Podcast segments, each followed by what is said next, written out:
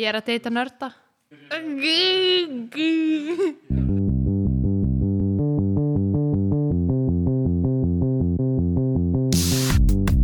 Halló er eitthvað að frétta Já það er ekkert að frétta Já það er ekkert að frétta Ekkert að frétta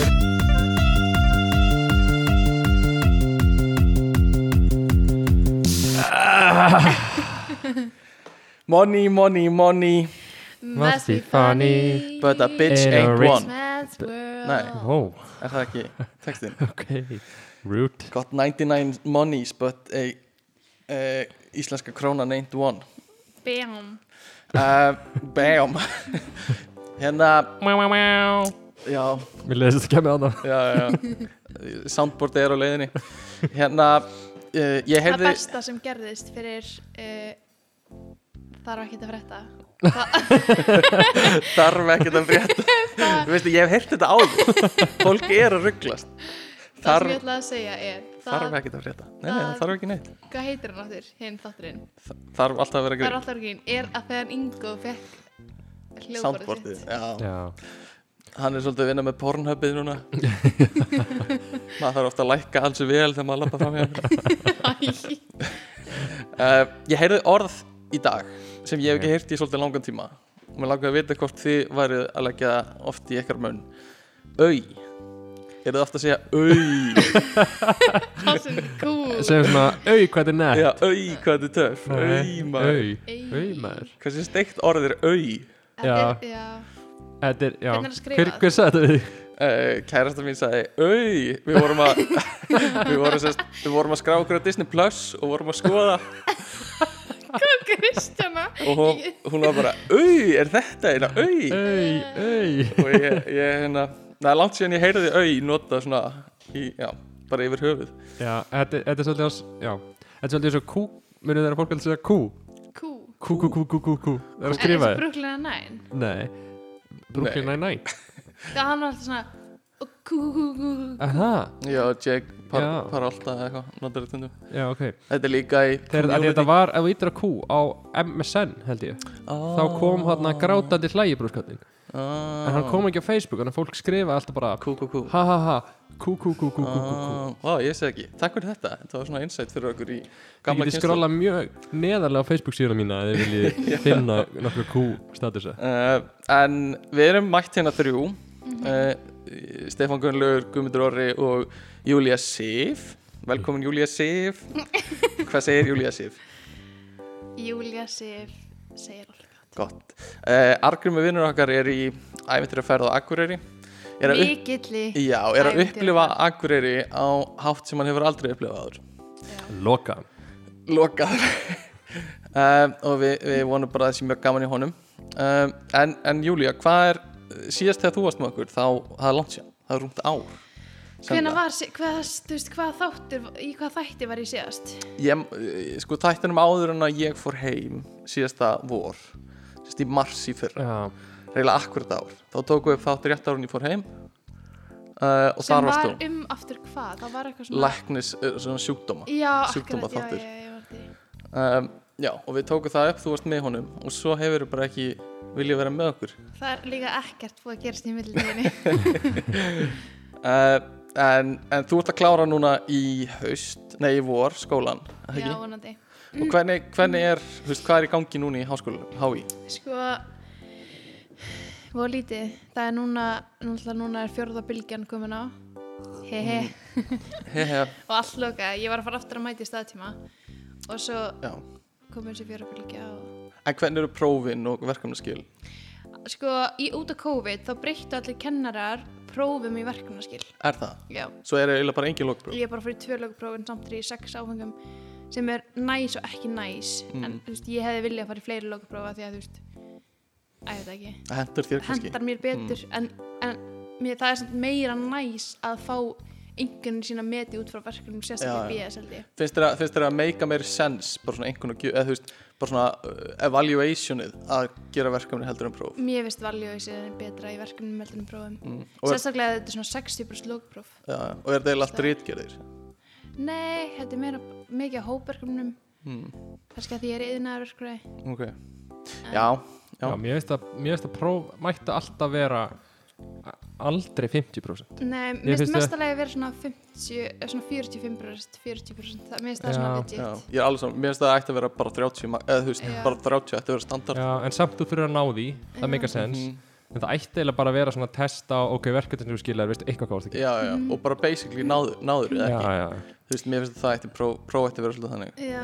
mér finnst að núna, ég er núna að skila, ég hef aldrei gert það áður, ég er að skila jafningamati í öllum áfengum og já, ég skil ekki jafningamat af því að ég er aldrei að fara að setja einhverja mannesku niður, mm Mhm. -hmm. ég, það er bara ekki típ, ég myndi aldrei gera þetta, mannesku ger ekki raskat sko. þetta er basically, er það ekki bara þú veist, þú ert að gera verkefni í hópverkefni Já. og þú far blað og ætti að segja hvernig stóð þessi meðlumur, Já, og þessi svo meðlumur þetta ákveða hans feit Mhm. Mm. Þessi, við gerum hérna svolítið fyndi strákarnir úti Mm. við, vorum, þri- við vorum fjórir s- nei, við vorum fimm saman í hóp, áttum ára fimm já, við Svo var þrýr pluss tveir hollendingar svo, e, nei það var einn hollendingur og einn frá Kína já, og þessi frá Kína var mjög erfiður Já, já, og já, já, já. Mm. við vildum ekki alveg gera hans hugmynd þannig að hann hætti í áfangunum Mhm. alveg og, hérna, og svo var hinn og hann gerði ekki neitt og við gerðum allt Mhm. við hefðum alveg getað kannski kommunikata betur mm en hann það var ekki neitt initiative hjá Mhm. honum svo kom jafningamandi í lokin og við sendum bara á hann jafningamatið og sögum bara þú mátt fylla þetta inn Já, og voru þið búin að fylla þetta nei, fyrir nei, nei Ég held ég man ekki Nei, Nei. nei, hvað, ger, hvað send, sagði hann 50-50 Nei, þá hann- tók hann eitthvað svona smá af sér já, skilur En ekkert, ekki í samræmi við vinnuna sem hann, hann, hann átti Gerði- þannig sé að vera bara Núll, sko. núll. hann gerði ekki skilurðu. neitt hann svo gerði ekki gott neitt ef að gera að senda á hann bara en þetta var satt mjög sniðut Já. Mhm. þetta var svona ok, öll gefa okkur öllum já það var okkur alveg sama Já, en takk þú ákvörðun um það mér einmitt. finnst líka geggja þegar kennarar sko, leifa manni í samráði að ákveða einhvernum hans út hversi, hversi, á- hversi duglega maður er Eh, já, já, bara í samræmi við kennarann Já. já, já. hvernig þá? að ég heit ekki Tómas í aðgerð er alltaf með nýja la- la- þarna kennsluaðferðir og voru að tala um að, að þessi góð aðferð við að meta nefndir það sem kennarar taka nefndir við til og Mm. þeir ákveði í samningu einhvern þegar þetta er svona náið samband með kennara Einmitt, einmitt. Já, ég get alveg, það, það getur verið örgulega svolítið á, skemmt, svona sérstök stemningur að gláða þessum fundum ég fari alltaf með tíu á borðið Það var svona- Þú ég skrifar myndi skrifa blad, Blað og snúða slæta kólf og slæta yfir til Tómasar sem opnar það, strikar út rýfur það í tvenn Já, já. uh, já. reyndar annað með hann strák sem við vorum að tala um á sem við mögur í verkefninu Já. við vorum með hana kynningu á Zoom sem, Já. og við mættum allir þrýr og vorum eitthvað að skiptast á að tala og eitthvað ég gummi og ekki og þessi gæi var bara í hopninu á Zoom og var bara svona alveg kjur og horfði ekki myndavelina og sagði ekki orð alla kynninguna ha, Já, og eða- svo bara ok, bye, see you Æ, það var, þetta var svona spjall skilur, við hittum kennara og hann bara svona, já, hvernig gekk þú veist, og við áttum bara að gefa feedback á verkefni í Mhm. hvert skipti, já, tókum bara fund með hverjum einum hóp og þeir áttu að vera bara eitthvað, já, þetta er erfitt lendum í þessu og eitthvað svo Mhm. og hann satt bara þarna, Já. bara eins og hann væri að leika frísfrið, Já. bara eins og hann væri bara það er styttudans eða styttuleikur eða hvað sem heitir ég samt sko skil ekki þetta að sko ég gæti þetta ekki ég gæti ekki tekið kredit ef mætt bara á einhverja kynningu mm, sem ég gerði ekkert í mm Nei, ég skil ekki fólk sem bara hefur það á sammiskuna að gera þetta sko. þetta var samt ekkert kynninga, þetta var bara svona spjall sko. Þú veist, var- almennt bara líka verkefni hann gerði ekki neitt verkefni já, ég hugsa samt ef ég hef verið komin á hans stað ég hef alveg gert það sama sko. já, já, mér finnst sannlega. bara eitthvað ég, þú veist, ef ég hefði lent í hóp með einhverjum Ég þreymur hefði- hollendingum sem Já. tala aldrei við mig og þú veist, ég hefði sannilega reynt að vera með eitthvað Já. hérna frumkvæði sem hann var ekki með en ef ég væri komin á þennan stað þú veist, þá hefði ég bara ok, ég slæti bara gegnum hann áfram ég hefði aldrei líka sagt erfitt þegar þeir eru bestu vinir já, Já. það er það Ég hefði aldrei sagt sko bara eitthvað Hæri strákur, ég hef skilað falla já. Þú veist, Ég hef aldrei gert það, það er bara svo nei, heimskulegt nei, maður hefði nú ekki gert það hérna, hvernig er stemningin fyrir uh, fjórðu bylgi og gósi Herri gósið geðvögt já, Við fórum að því. herri, þið fóruð þvert á fyrirmæli almannavarna, hvernig var það? við fórum hins vegar ekki í COVID-reipið við löpum upp fjallið Við fórum ekki í COVID-reipið það, já, Og fórum í eitt COVID-test Eða Júlía Ah. Eftir það eftir það, já, Þannig að ég var við erum fárveik gulltryggðum eftir- okkur. ég var farveg eftir gósið fárar veik eftir gósi ég var bara átti dag sem ég var bara ógeðsla veik ég held að Ah. ég var ofkonað Já, Ok. þú varst bara búin að vera svolítið slöpp sko þegar við fórum já, og Hmm. svo er þetta náttúrulega kalt og þetta er, þú veist, maður er lengi úti og Já, þetta er vorum þarna svona smá úti alveg sjokk fyrir líkamann átta sko tíma eða eitthvað já, ok Þannig að þú veist, ég held að það hafi bara verið það Þú Og- tengi ekki við að þegar maður er veikur og svo ferðu og gerir eitthvað svona Jú, þá verður eiginlega bara meira Já. veikur en samt. Mhm. og lestu potaði nefn og já, allt neikvægt ég fekk upp í heila fekk upp í heila, smá, smá klór í heila Svo kíl.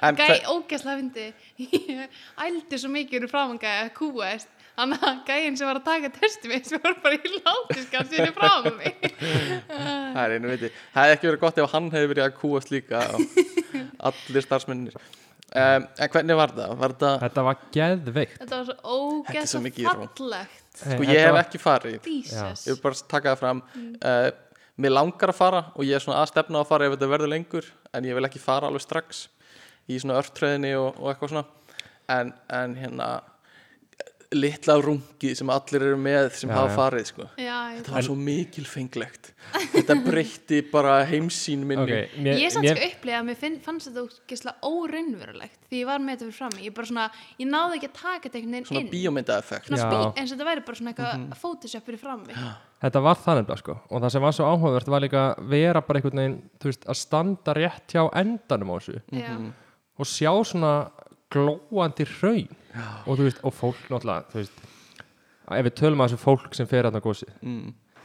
það hlýtur eitthvað að fara að deyja hann sko. já það er það sem ég er að Veist hugsa það, að sjá þetta lið og það er bara eitthvað þú sér bara í rauninu og endanum þá er bara eitthvað gat á vegnum Mhm. og það er bara allt rauðglóandi inn í gatinu og fólk veið bara og gjössalega stingur haustum inn já. einmitt og kasta, er að kasta þú veist, steinum í glóandi raunni og eitthvað, já, eða svo er alltaf að hrynja úr kantinum svona af og til Mhm. þú veist það bara gerist Mhm. þú einhvern veginn fattar ekki að sjá hreyfingu fólk En er svo líka er ekki að alltaf- kippa sér upp eða þegar eitthvað rinnir niður fólk já bara maður horfði á fólk stendur já. þetta rétt hjá og reyfir sig ekki Já, stóð við brúnuna, svo Mhm. bara steinn tveim metrum fyrir ofan það, byrjar Það að er hrynja steikt. niður og það er bara eitthvað, ég held að halda að sé bara eitthvað síndaveruleika. Sko ég verð að segja fólk sem er hann að sína sig á þessu gósi með alla þess að þú veist vera nakin og eitthvað svona það er heimst Mhm. í mínum huga uh, og uh, sérstaklega að þú ert að fara upp á það um, Mhm. ég, ég, menn hafið þið skil séð það þess ekki að podla myndast Já, Nei. einmitt. þeir bara myndast allt í hennu bara,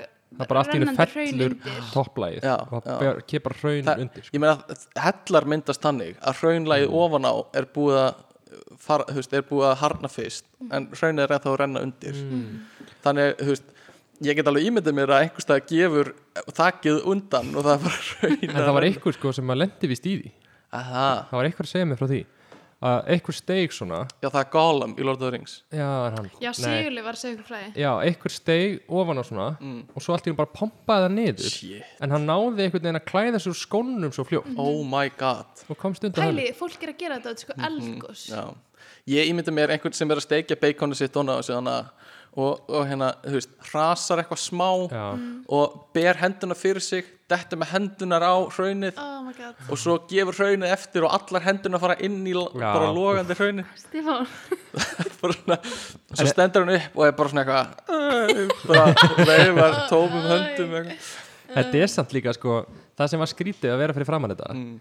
er að líkamann okkar er ekki búin að læra hann sér hrættur við þetta já, eins og við lærum þegar þú stendur fram að brún já, þú veist hvernig er að detta of hátt mm Mhm. að einhverju leiti já þannig að þú veist að það er vond ef ég dett þú veist hvernig það er vond mm. en þannig ertu bara eitthvað þetta lítur út þessu vatn og þetta er raukt mér líður eins og ég megin bara stinga hendinni minn í Mhm. þetta mm. mér er einhvern veginn leið aldrei eins og ég veri hrættur við raunnið samt er ég að horfa á eitthvað sem að sko gjörsanlega Góður punktur. getur mig þetta, er, þetta minnir mann á bara Fanta Exotic í, í vodka sko Eh. en samt hversu heitt er hraun 1200 gráður heldur já, þetta er allavega nógu heitt til þess að brenna, s- hraun- eða brenna stein skilur við, yfir 1000 gráður 1200 gráður Já, ég held að það sé talað um að þetta sé líka sko meira heitt Þú veist, venjulega er það 1000 gráður eða eitthvað en að því að þetta er að koma bara úr möllunum eða eitthvað þá sé þetta 1200 gráður já. Sko. en eins og veit ég hverju það breytir þú veist, nei, ég get ekki alveg sett gerum ekki grein fyrir hverju munum að hendudamunum brenni við 1000 Nei, gráður nei, eða við 1200 myndi ég Þetta gráður er átta mig örugglega ekki bara að þau myndi koma betra ef það er- við þetta óvar skilur, hversu mikið skilur, myndi hendina maður dretta bara strax af eða eitthvað ég veit það ekki Þú veist, svo er auðvitað alls konar eitthvað sem þú veist, það er líka bara hvernig bregst hraunni við sko þú Mm. veist, hvort að ef það kemur í snertingu og við því er mann, örugglega hvort alveg sama Hættu að lappa mér maður, hættu Nei, ég er að tala um skilur hvort þetta sé eins og Mm. þúsund Mm, gráða heitur eldur eða hraun, hvort sé munur að því Mm, Já, hvort það sé, hvort það harni eitthvað istalag eða eitthvað svona, ég veit ekki mm. en það allan að brenni þig og getur þig en Já, sko uh, það er eins og hraunni Hallmundarhraun og eitthvað, það voru útulegum enn sem bygguði því Mm. og fyrir, þú veist, í kringum árið þúsund eða eitthvað sem mann, svona, þú veist, 1200 eða eitthvað og það var ennþá heitt, sko og fólk gætt búið í því í mörg hundru ár inn í Já. hellunum, sko, einmitt bara eins og að vera með uppbytun það er ekki styrla sem er fucking crazy, sko Já. bara að ferð að sofa í helluninum og það er bara heitt gólf og þú bara þurka þvottiðin á jörðinni og... Já, Ég fór sko að ganga fimmurháls eftir að það kom svo búin að vera þá grilluði við samlokur á hraununni Legends En Það sko, er en Þú sko ert þessi manneskja sko, tveimur árum seinna Já, tveimur ára sinna, ok, já, já. Það Það, er það make þetta. a sense En ég held þetta sé allavega ég, bara til að svona eh, setja punktinn á þessa setningu þá hérna, mér fannst alveg magna að sjá þetta mér finnst, ég kom að ógislega mikið ógeða myndum að þessu og mér finnst ekkit gaman að skoða myndina sem ég tók Það er Ég- ég er eitthvað eiginlega- allt annað en- að sjá myndir Já. og sjá þetta í Já. persónu. Ég er eiginlega komið með meira ágjöða kapsjónunum samt á myndunum sko. Já, Það er bara, En- en, en allan, sorry já, en að standa fyrir framan þetta Mm. er alveg magnað Já. en það er bara magnað eða skilur myndin einhvern veginn næri ekki alveg að horfa á þetta og Mm. Já, já. þú veist þannig að ég Þetta er kom að bara- ógeða myndum og það er Já. líka allir á Íslandi eru búin að pósta mynda þessu og það er endalis eitthvað þyrluflug og eitthvað, þetta er orðið svona smá Þetta er bara svona tó tónleika syndrómið sko. Já. bara, þú veist, það er ekki pósta myndum að tónleikum já, það er enginn að fara að horfa á Nei. tónleikamyndband og vera bara eitthvað, vá Þú veist, ef ég vil horfa á gósið þá horfi ég á einhvern professional gæja sem er Já, búin að taka einmitt. þetta um, En hérna það er náttúrulega 1. apríl í dag Já. og ég vil bara segja, hamingju við erum með ekkert að taka upp þátt þetta er bara 1. apríl gaf pjónir Þú ert Eh. ekkert búin að plata mig í dag, Guðmundur. nei, ég held ekki på 1. apríl Nei, ég bara get skilu það, en það voru nokkur aprilgöp í hérna á vefmiðlum landsins já, Ég sá Skrási- besta aprilgafi hjá Mjölni. Já, sem Oh voru með my- bólusetningar Já, Mjölnir fær 500 skamta af bólusetningu fyrir félagsmeðlifi.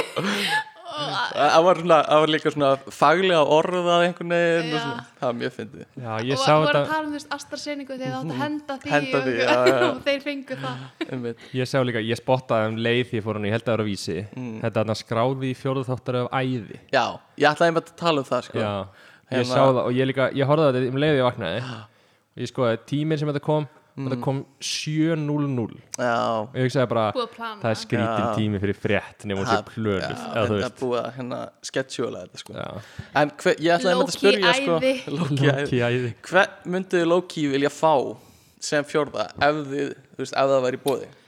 Ég myndi, Þú veist, myndi ég vilja einhver svona sem jartengir þetta sem er bara svona venjulega gaur bara ég er til í vilja bara netto eða eitthvað jóngunar held ég Já, nei, ég vil fá einhvern ungan með þeim, sko. En, já, en, en viltu fá annan svona, svona virkilega stóran, stóra típu? svona Já, hám- ég held eins og þegar maður horfir að Lofaland eða þú veist, Jersey Shore eða eitthvað Mm. þá er þetta bara skemmtilegt þegar það eru allir skilur, Já, já, já. Þú vilt ekki fá Saman. einhvern svona Jim úr Office sem er svona að horfa myndavelin og svona shit, hvað er þetta vitlisir? að ég veit Eða eitthvað það ekki svona. alveg nei, ég held ekki ég Þú vilt bara fá annan Binnagli í vil, fá annan, ég vil fá annan Bassa eða Patrick Demi ég vil fá annan Patrick Demi Já, eða kannski fá stelpu já, já, á, það verður ekki það vitlist. væri kannski Kannski eigðilegu það samt einhvern veginn svona það sem er verið að gera með þessu. já, Ef þetta eru þrýr samkynniði gaurar, já ég veit ekki. ég, það er svo fyndið að við horfðum á hérna vorum að horfa með, með sko Framfylg, framfylkingin framfylkingin vorum að horfa með hérna pappa Júliu Já, á þetta og hann var bara, og líka pappi minn og þetta var svo mikið gamla kynslaðin þau voru bara eitthvað hva, hver er þetta, hvað að vittlýsa nei, pappa var þetta ógæðslega fyndi já, en hann var alltaf að segja eitthvað hver, er- þú veist, hvað hva hefur að fá þennan eitthvað, hvað hefur hann að segja og eitthvað og pappi minn en þá verður eitthvað svona hvað, eitthvað svona ég bara skil ekki lengur ungu kynsluðuna þú veist, já þetta er, er gamla, eh, sko, Já, þetta hann- er eitthvað sem fer held ég mjög illa í gömlu kynslónu að þau skilja ekki boffs sem er já, eitthvað. já, og sko Palli var bara mest að meysi úr því að þessi maður hafi verið með gerfineglur var það Já, bara hann hafði með svo langar gerfineglur og svo var hann í magaból Möndur þú fá þig gerfineglu komi? nei, Er er einhver ástæða, bara finnst það ekki eh, nöfn töff eða eða, þú veist, bara, ég held ekki bara ókslega óþægilegt og er ég þetta elska forrita? hana reglurnar og Þetta er erfitt til forritinina sko Það er erfitt að Já. skrifa það í bætum skrifa í það um, Já, En eh, hvað segir þú stefn minn? Má ég segir þér? ég segi allt fínt Ég ætla að segja frá hérna það var annað svona aprilgap sem mamma fjall fyrir segðu mér frá því ég, kri- það er svona smá cringe eða þú veist, svona miðaldra það var einhver sem var að stopna nýtt flugfélag eða þyrlufélag eða eitthvað Já. sem heit þyrluspaðin þetta er gæðin sem á spaðan, veitingastæðin og mamma bara eitthvað, geggjað ég ætla bara að fara í þyrluflug fyrir tóluðu skall upp á gósi og svo er auðvitað- það er þetta hérna aprilgap hvað voru mætt ekkert já, og bara, ég held að vinkonunar hafi verið að ringja fyrir þær og alltaf Nei, nei, Mér finnst svolítið já, leðilegt Mér finnst það svolítið leðilegt sko. þetta er ekki kráttur sem þú vilt að falli Nei, fyrir. einmitt. það, var, það var, já, en mér finnst bara segðu Ég, mér ég, reynda, ég sá eitt á netinu sem var, ég veit ekki alveg hvað þetta var en ég held þetta að verið í, þú veist Google Sheets eða Excel Já. eða eitthvað svoleiðis og þá kom sko, þegar þú copy-pastaðir Mm. þá kom upp svona pop-up sem var eitthvað svona you have only one copy-paste left sign up for more eða eitthvað svona Það sem er fyndið. náttúrulega já, sem er mjög fyndið að fólk er alltaf að koma í pesta Mhm. og maður er sjálfur ykkur forriti og er að koma í pesta og svo bara eitthvað, býta á ég bara eitt eftir Það er mjög fyndið eða náttúrulega legendary grínið Mhm. er náttúrulega hjá vinum okkar á, á höppinu Já, hvað var, Hvað var hvað það? var það? þeir gerðu hérna, Nei, grí- já, já, gummi, segja okkur það já. veistu það ég veit það, hvernig, hvernig, hvernig, Eh, ég veit hvernig ekki. fannstu þér fyrir því? ég veit ekki hvað ég gerði í dag en ég veit þeir gerðu þetta fyrir einhverjum árum eða í fyrra eða eitthvað tíma mm. og þá gerðu þau sko ef einhver ho- opnaði eitthvað myndband þá kom svona the video has been shared on your Shared, Facebook account Opp, opp, opp. ok, það er sko ógæðslega Svo gott grín. mest að paniki Ég get alveg ímyndið mér eitthvað í paniki eitthvað svona, ó, fuck, fuck, fuck Ítir óvart á Facebook, takk hann aftur til að cancela og eitthvað, ó, nei, nei, nei og ítir á accept og það er bara allt í einu búið það er þetta gott, eh, þeir eru pottit eru með statistikina yfir hvort það er fleiri sér á það er þennan ekki, dag það er ekki hægt að séra á Nei. pornhætt jú, það er nefnilega hægt Af Nei. hverju Er eru það ekki? Ég veit það ekki En ég ímyndi mér að mögulega séu einhverju takkar þarna Af hverju myndu er verið þarna? Það lítur að, mér finnst þess að sér á Facebook sé eitthvað sem er standard bara Nei, ég vítjum held að það getur ekki verið að sé sér á Facebook Ok, porn. gummi, Ég ætla að checka googla á því. þetta Þú getur líka bara að tjekka á því uh, En þáttu dagsins í dag uh, Er í bóði Pornhub Nei, uh, þáttu dagsins í dag er í bóði banana eins og vanalega Yes sir og uh, hvítra stuttarmabóla Við þökkum hvítum stuttarmabólum og bönunum banananananar Þeir eru meðalega að fara að senda mér nokkra Já, segi það Það er allavega, ég sé þetta á Reddit er þráðurinn Why is there a share, on, share to Facebook button on Pornhub? Já, Þannig að það er takki það er takk, það er mjög góð spurning En mér langar að, já Ég væri til að tala um manneski sem sér að eitthvað mm -hmm. Alveg 100% Kannski er einhver hópur svona, Já. einhver höfhópur En uh, þú veist, Messenger er ekkert að filtera út eða þú sendir linka er það nokkuð? Filter út Þú veist, þú getur alveg sendt f- linka skilur, Á á, höfnið. chatti, Mm, Jú, er það ekki? jú, örgulega Er það, Júlía? Já, já, Uh, og rauðvinn dagsins í dag er uh, hvað er ég að drekka? Boom Ultralight Og bóli sterkur rauðin dagsins í okkur er bóli sterkur Ég verði að gefa honum sigga kredit fyrir bóli sterkur Já, að stendur eiginlega siggi á sér flösku fyrir mér hann er síður og góður og sterkur En ég ætla að spyrja ykkur einu Já, Af hverju á Messenger, af hverju var tekið burt vítur sem það sem getur skoðað allar myndir sem eru sendar á milli þær eru þannig sko þú ferði í info, eða eitthvað slags information og velur svo, Sko þeir Myndir. gerðu, þeir tóku Meinar þetta? farið í Þeir tóku- Messenger appi Já eða Messenger að- sína þeir en það tóku er þetta út þegar þeir voru hakkaðir þá tóku þeir út fyrir hennar fítus Mm. og líka leita í samtali fítusin mm, þeir tóku hann út það og kom sett inn hann aftur inn. Já, það kom inn aftur ég held sko, þeir hljóta hafa svona eftir þeir voru hakkaðir Mm. þá er örgulega mjög taktist fyrir það að taka út hennar fítus Mm. að ég myndi að, að þú ert búin að hakka þá Já. og þú ert með eitthvað geðvitt mikið Þetta er af, Mhm. komið aftur Mm, Þetta er true já, þú ert með eitthvað geðvitt mikið að skilabóðum þú myndir örgulega nota fun- funksjónin á bakvið þeirra leit í Já. messageunum Já, já, frekar hérna- heldur en að mögulega. þú veist, heldur en að þú veist með eitthvað textafæli svo þetta leiti, mm. skilur Um, já, en uh, þetta er sko, við höfum talað um það áður, þetta er þekkt bara dæmi sem fólk er að býða eftir í teknikabransanum það er þegar Facebook verður hakkað og verður Mm. bara lekið á netið og það er bara að bókað að einhver gæi mun taka öll gögnin og sortera þau þannig að það sé Mhm. auðvelt að leita í þeim Já. það heitir að indexa, það er einhver mun- mun indexa þetta Mhm. þannig að þú getur bara stemplað í nafni þitt og þá sérðu öll samtöl sem einhver hefur baktalað þig um og eitthvað svona þetta er bara þekkt dæmi að þetta er tímaspusmál hvernig þetta gerist Var ég fæði svona hroll þegar þú ert að segja mér frá þessu? En þetta er bara pæspark sko, þetta er bara mappredúr sko. Nerd alert Nerd alert! uh, Já, já, ég, með, ég, ég var mynd að pælja þessu. ég er já, að Eh, þú deyta veist. nörda. til að þetta, ekki- verður, þetta verður byrjunar sem Gú, gú. ég er að deyta nerd Já, en það sem ég er að pæla með þetta, já, þú veist, ef að ég myndi núna Já. geta farið og leita ekkurum og leita í samtala og eitthvað, þú veist, myndi ég nenni. því. Bara svona, að, þú ert bara að leita Sko- slæmum hlut. Mér er alveg sama um að ég, það sé einhver að baktala mig. mm. Ef einhver sér að ég sé að baktala einhvern annan eða ég sé að segja eitthvað sem er Já, Mhm. off limit, það, mm það hræði mig sko. já, já, já, en já, þú veist, hra, það hræðir auðvitað flesta, skilur. En ég veit Mhm. Það- ekki hvort ég já. myndi einhvern veginn, þú veist, viltu vit, eða skilur, ég svona gerir ráð fyrir að það sé er alveg fullt einhver af fólki skil, sem myndi vilja veita að býst ég ég, veit það, en það er samt smáveikt. já, Eða þú veist- veikt já. Fólk sem segir að vilja hafa ofurkraftina að geta lesið hugsanir annara. Já. Ég tengi ekkert. Þú veist, af því að þú mynd, ég veit að ef ég myndi fara að leita í öllum skilabóðum Mm. sem ég var ekki hlut af þá veit ég að ég mun ekki finna neitt sem að mér finnst eitthvað geðveikt Nei, ég mun örgulega finna fullt sem að mér myndi finnast leiðilegt að sjá það er bara svona af hverju gerum þetta Þú veist, það er svo veikt að þú veist, Já. Mm. þó að það mun örgulega koma á löngurinn eitthvað svona að ekki bara tjekka þú veist, Mm. þú verður nú bara að finna jákvæmt frá mér Ég held samt að maður myndi alltaf að gera þetta, skilji. Þótt Mm. að það verði ekkert gott fyrir mann. já en það er samt já, einmitt, ég, Um, maður mun já. örgulega Maður er gera svo þetta forvitin.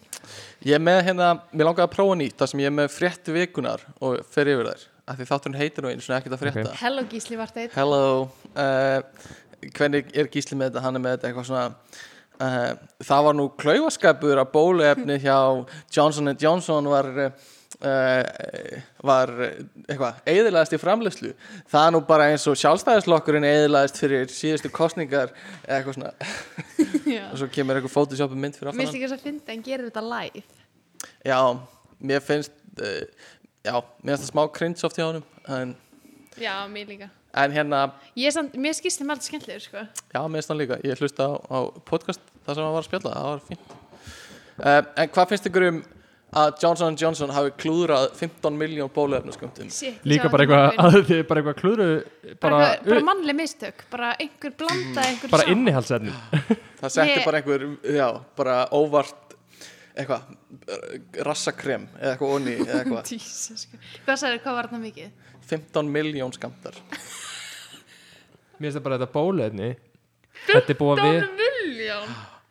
Þetta er, eh, Þetta er rosalegt og þetta er líka bólefni sko, sem þarf bara einn skamt skilur þannig að þetta eru 15 miljón einstaklingar sem fá ekki bólefni sitt. Jesus Þú veist, ég meina, Christ, Þetta er bara sko. stór hluti af Þú veist hvað Norðurlöndunum já, já, já, þú veist, þetta er bara mm, já, kannski 80% á Norrlöndunum eða eitthvað, ég veit það ekki uh, sem er eh, slatti sko Það er og rosalegt já, eh, að þetta séu mannleg mistök það er ennþá klöfulegra sko um, Það eru 30 miljonir í Nordic countries. á, Já, ok, þetta er 50 helmingur. Það er rosalegt ég held að þetta sé líka að fakti bandaríkinu ekki sko. ég held að þetta sé allt sem átt að koma Já, til það Aha, en ég er ekki alveg, viss, svo ekki hafa það eftir mér en svona með minnir að ég hef ég lesið það. ætla að einmitt að hafa einmitt að Ah, þetta. hafa eftir vitna í rannsóknargreinin minni Já, bara Þórólur Það veitum við ekki á að hafa bandar uh, en hvað finnst ykkur um hérna að- að hafið fylgst með réttarhaldunum yfir George Floyd Já, Mhm. ég sá að það var að koma nýtt myndband og ég bara, ég hafði það í alveg ekki í mér að horfa á það, en ég ætla samt að horfa á það. uh, Ég held að þú gasta að horta það Já, maður getur það. Var ekki bara hljóðupptökur eða? Nei, það er komið nýtt myndband. ég held sér nýtt, það er En body ég sá cam á þetta á löggunni. vísi og þá var bara eitthvað að komi nýtt myndband en þú getur bara hlusta á hljóðupptökunar Ah, ok, ég veit að það bodycam frá löggunni er allavega Já. í búði eða var, var í réttarhaldunum um, og það er alveg góða líkur á því að löggan verði síknuð sko. Já það er bara út, bara út í hún í lögga sko. Ha, en Þetta er var, náttúrulega svo- akkur, var ekki eitthvað svona eitthvað fólk náða að borga það út? já, beila, bara, Beila það út, þú getur eiginlega alltaf beilað út í bandaríkinu Og það var bara eitthvað ógeðslega marga miljónir sem söpnuðist til þess að beila þetta ógeðsmenn já, út.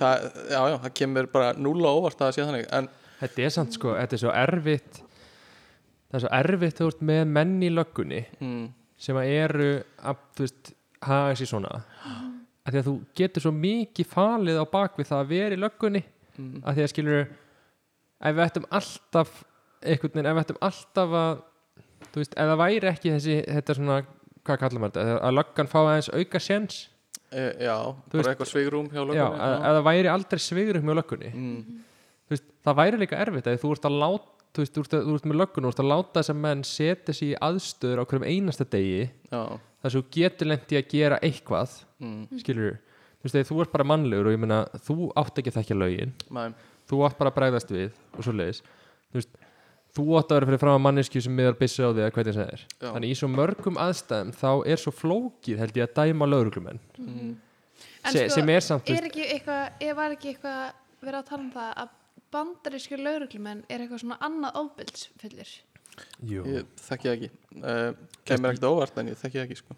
ég held líka bara sko, já svona sínin á lögreglumenn í bandaríkunum og svona með að við það sem maður sér ef maður fer til bandaríkuna já, þetta er ekkit sko, og með við bara hvað bandaríkjunum ekki réttar kerfi þú veist, það Já. Mhm. er náttúrulega bara allir í fangelsi og það er bara endalust að löggum já, já, þá er svona smá, þú veist, Mhm. þeir eru ég, ég held að þetta sé ekkit eitthvað svona erfiðast í heimi alltaf að komast í lögguna í bandaríkjunum sko. Nei. Þú veist, ég held að þetta sé ekki svona eitthvað geðveikur skóli og eitthvað bara svona mæm þetta er, það er líka ákveðið svona uniform rung bara Já. menning í bandaríkjunum sko. mm maður finnur það bara um leið, bara um lendur á flugvöllum í bandaríkjunum, já, þá finnur strax þetta uniform dæmi já, já, það er bara svo mikið, þú veist og náttúrulega líka bara þessi hermenning mm -hmm.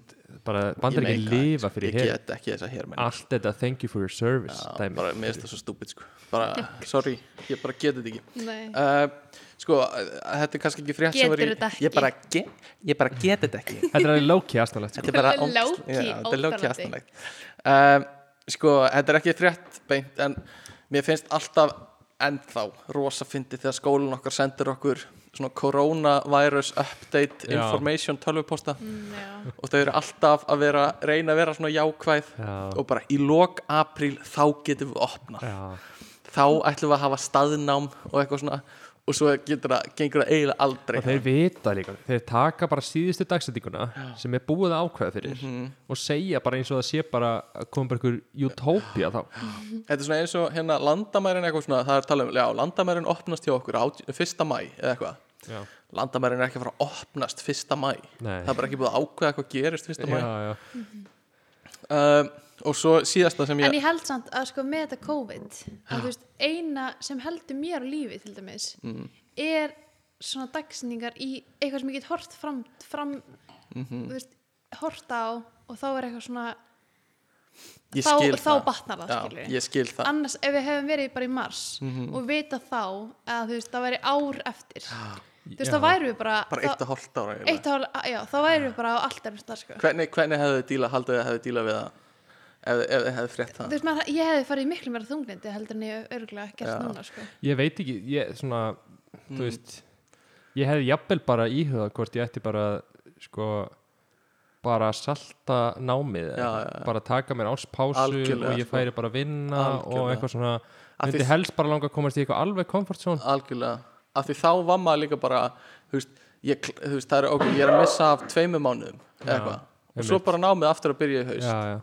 eða eitthvað, algjörlega takk Það var Júlía, einmitt. hvað hjálp þér hvað hjálp Já. þér Júlía en það var líka bara svo, þú veist í rauninni, við erum að upplifa mm, svona, við erum eiginlega bara að upplega worst case scenarióið skilur, Já. að því ok, worst case scenarióið þegar við byrjuðum mm. var að við þyrftum að býja eftir bóluefni og að bóluefni myndi taka eðlilegan tíma, þrjú ára eða eitthvað já, já, það væri worst case scenario en annars erum við svona semi þú veist, við erum bara núna að býða út bóluefni við erum bara búin að komast til því að það er ekkert að fara að breytast með þessa veiru Nei, nei. og við erum bara búin að þurfa að býða bylgju eftir bylgju Ég þanga meina- til að bara búa bólusetinu á marga og svo er náttúrulega spurning hvort við lendum bara í fokki og komum eitthvað afbrið sem bólusetinu er ekki við og þurfum að býða Æ, við, ennþá ekki svona, við þurfum ekki að Já, þessan eitthvað í þáttinn Þetta- en ég hérna eitt sem ég hef pælt líka í þú veist eh, ég hef stundu verið með eitthvað svona pælingar varandi það að þú veist hvað ef að þú veist, myndiru gera þetta eða myndiru fara fimm ár aftur í tíman með alla vitneskina sem þú hefur núna eða eitthvað Mm. bara það að fara fimm ár aftur í tíma núna ég myndi ekki nenna því, út af því ég veit árið 2020 þurfi- þarf ég að fara aftur í gegnum Já, mitt Þannig að þetta er búið að breyta öllu svona hypothetical pælingum hjá mér Já, eiginlega. Það er bara svona, nei, Hvað fannst þau ekki samt um 2020? Svona ef þið horfum yfir aftur, þú veist Mér erst það, þú veist Mér fannst, í fyrsta lagi fannst mér Ég myndi segja að við vorum mjög heppin með sumar sem við fengum Mér fannst það, þú veist, sumarið upplýði bara að það var bara næs skilurðu. Já, En auðvitað var þetta bara þreytt skilur en, þú veist, þetta er líka svona Þú veist, Æ, Ég veit þú veist, ekki. já eh, En bara rólegt, ég myndi segja það Já, Ah, Þú ég er veist, saman þannig sé, bara svona dagstælega lífið mitt var rólegt En einhvern veginn heimurinn í heild sinni ekki rólegur ég myndi hugsa að það væri sko Sko, við líka erum í Þú veist, auðvitað er þetta búið að vera flókið Að ætla alltaf að fara út Og eitthvað svona, vera einhvern veginn alltaf að haldi Ykkur að vonum að maður upplifi eitthvað Nám erlendis, eða þú veist Mm. Mm-hmm. Allt þetta ferli Já, en á sama tíma hugsaði, þú veist ég samt, ég er á þú, þú veist, ég hefði það alveg, þetta er svona topp allavega Já. topp 5% þægilegt í heiminum, skilur, Mhm. Já, að vera bara eitthvað þetta er ekki að tefja námið mitt ég Mm. get klára gráðuna mína ég er ekki að missa vinnuna ég er Mm. ekki með einhver börn sem er ekki á leikskóla og eru heima hjá mér, ég er ekki í einhverju að hækka alla skuldir hjá mér þú veist, það er ekkert sem ég er að tapa nema það að ég er ekki í útlöndum eins og ég ætla að vera en Já. þú veist, það er bara, það er svo lítill fórnarkostnaði með eitthvað sömur þurfa að díla við já, algjörlega eh, Hvað ætlaði að kjósa? ég ætla að fara einmitt að spyrja ykkur að þessu miðflokkurinn, Ég veit ekki hvað ég kjósa En ef að þið Ég var elska kötu, ógislega mikið að, En viðstur grænir eru bara ekki búin að gera mikið Nei, þeir eru ekki búin að gera mikið og það er einhvern veginn svona þeir eru líka með ekki mikið fylgi í ár Ég var að Nei. horfa á könnin frá högstöðunni þeir eru bara mjög mikið að falla Þeir eru samt bara á sama stað og allir að, þú veist, það er sjálfstæðisflokkurinn sem er efstur Já. og svo kemur samfélking, Samfylk- framsókn, miðflokkur, viðstur grænir, allt með átta þingmenn Já, en samfylkingin mm. hún var ekki svona sterk síðast þannig hún uh, Nei, hún er búin að sækja aðeins er í þessu bara að veðri sækja svolítið í sig En við, ég veit ekki hvort nefnum að tala um þetta en ég, Hvað ætlar þú að kjósa? uh, ég veit það ekki alveg og ég, ég, ég hef aldrei gefið það upp og ég hugsa ég gera það ekki heldur núna en ég ætla að segja eiginlega sem ég ætla að spyrja ykkur er ef, að, ef að þið myndir stopna stjórnmálaflokk, hvað myndi hann heita? guðfylkingin Suck my dick Sæll Júlia Damn Það var Ok. geðveikt Og var það X-Dick Shit, nei extra large XL, Já, æj, Ok. fíla þetta sko. æj, æj fyrir hlustendur þá droppuði strákanir kjölkarum sínum Við erum að taka það upp á jörðinni núna sko. uh, en, en hérna Þetta er ekki það sem, það sem þátturinn á að snúast um Þetta er bara, þetta er neikvæðni og við viljum þetta ekki gagnfylking Gagnfylking framtíð gagna Gagna Hvað er Við þeir gerum eru öll gagn. gagnafræðingar? með gögnum má samfélag byggja Steppi, hann alltaf á ég að bjóða þér gögn Já, ég, ég er alltaf, ég kem alltaf í ríkfrökkum á laugavegin og svo svona opna ég ríkfrökkan og það er fullt af gögnum inn í honum viltu köpa gögn? Viltu kaupa gögn uh, en, en það sem við ætlum að tala um eru peningar manni Já. og Money, money, money bum. Must be funny In a rich man world Vá, þetta var geðveikt takk fyrir, við erum búin að æfa þetta Vá uh, Peningar, peningar, peningar Þeir hljóta að vera finnir uh, Sko, mér hefur ég, svona, Hver er ykkar tilfinning á peningum? Er það svona jákvæða eða neikvæða tilfinningar? sko, Sko, ég uh, um, já, ég veit ekki alveg hvernig ég á að svara jákvæð, neikvæð, mér finnst svona mér finnst neikvæð ef á að ég, ég segja er neikvæður alveg sko ég, ég fæ svona nei, neikvætt væp af ö- öllum svona peningum ég hef engan á því að vinna með peninga í framtíðinni Mm. eða s- eitthvað svona stúrsa með peninga já, svoleiðis. Einmitt. Mm. um, Eða, þannig veist, að líka þegar maður er komin á þennan aldur Mm. ekki eins og ég sé eitthvað gömul en svona, ég veit að ég þarf að byrja að sapna peningum e, já, já, Mhm. sem ég finnst erfið tilvísin að ég þurfa að fara að sapna peningum já, en, en ég finn það svona fyrir mig því að ég er með smá sko, það sem mér langar til já.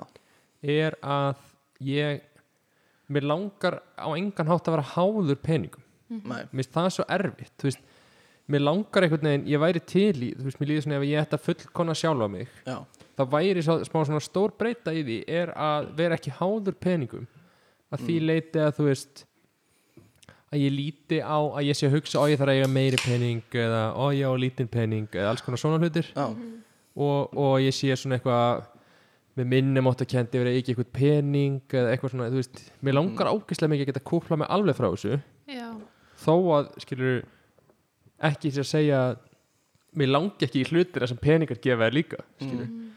en bara sem mér langar til að þeir skipti mig ekki máli já, já. ég skil það alveg sko. um, en, þa- en það getur verið þú veist, getur náttúrulega verið svolítið svona erfitt að, að vita hvenar það er Já. er komin á þannig stað -hmm.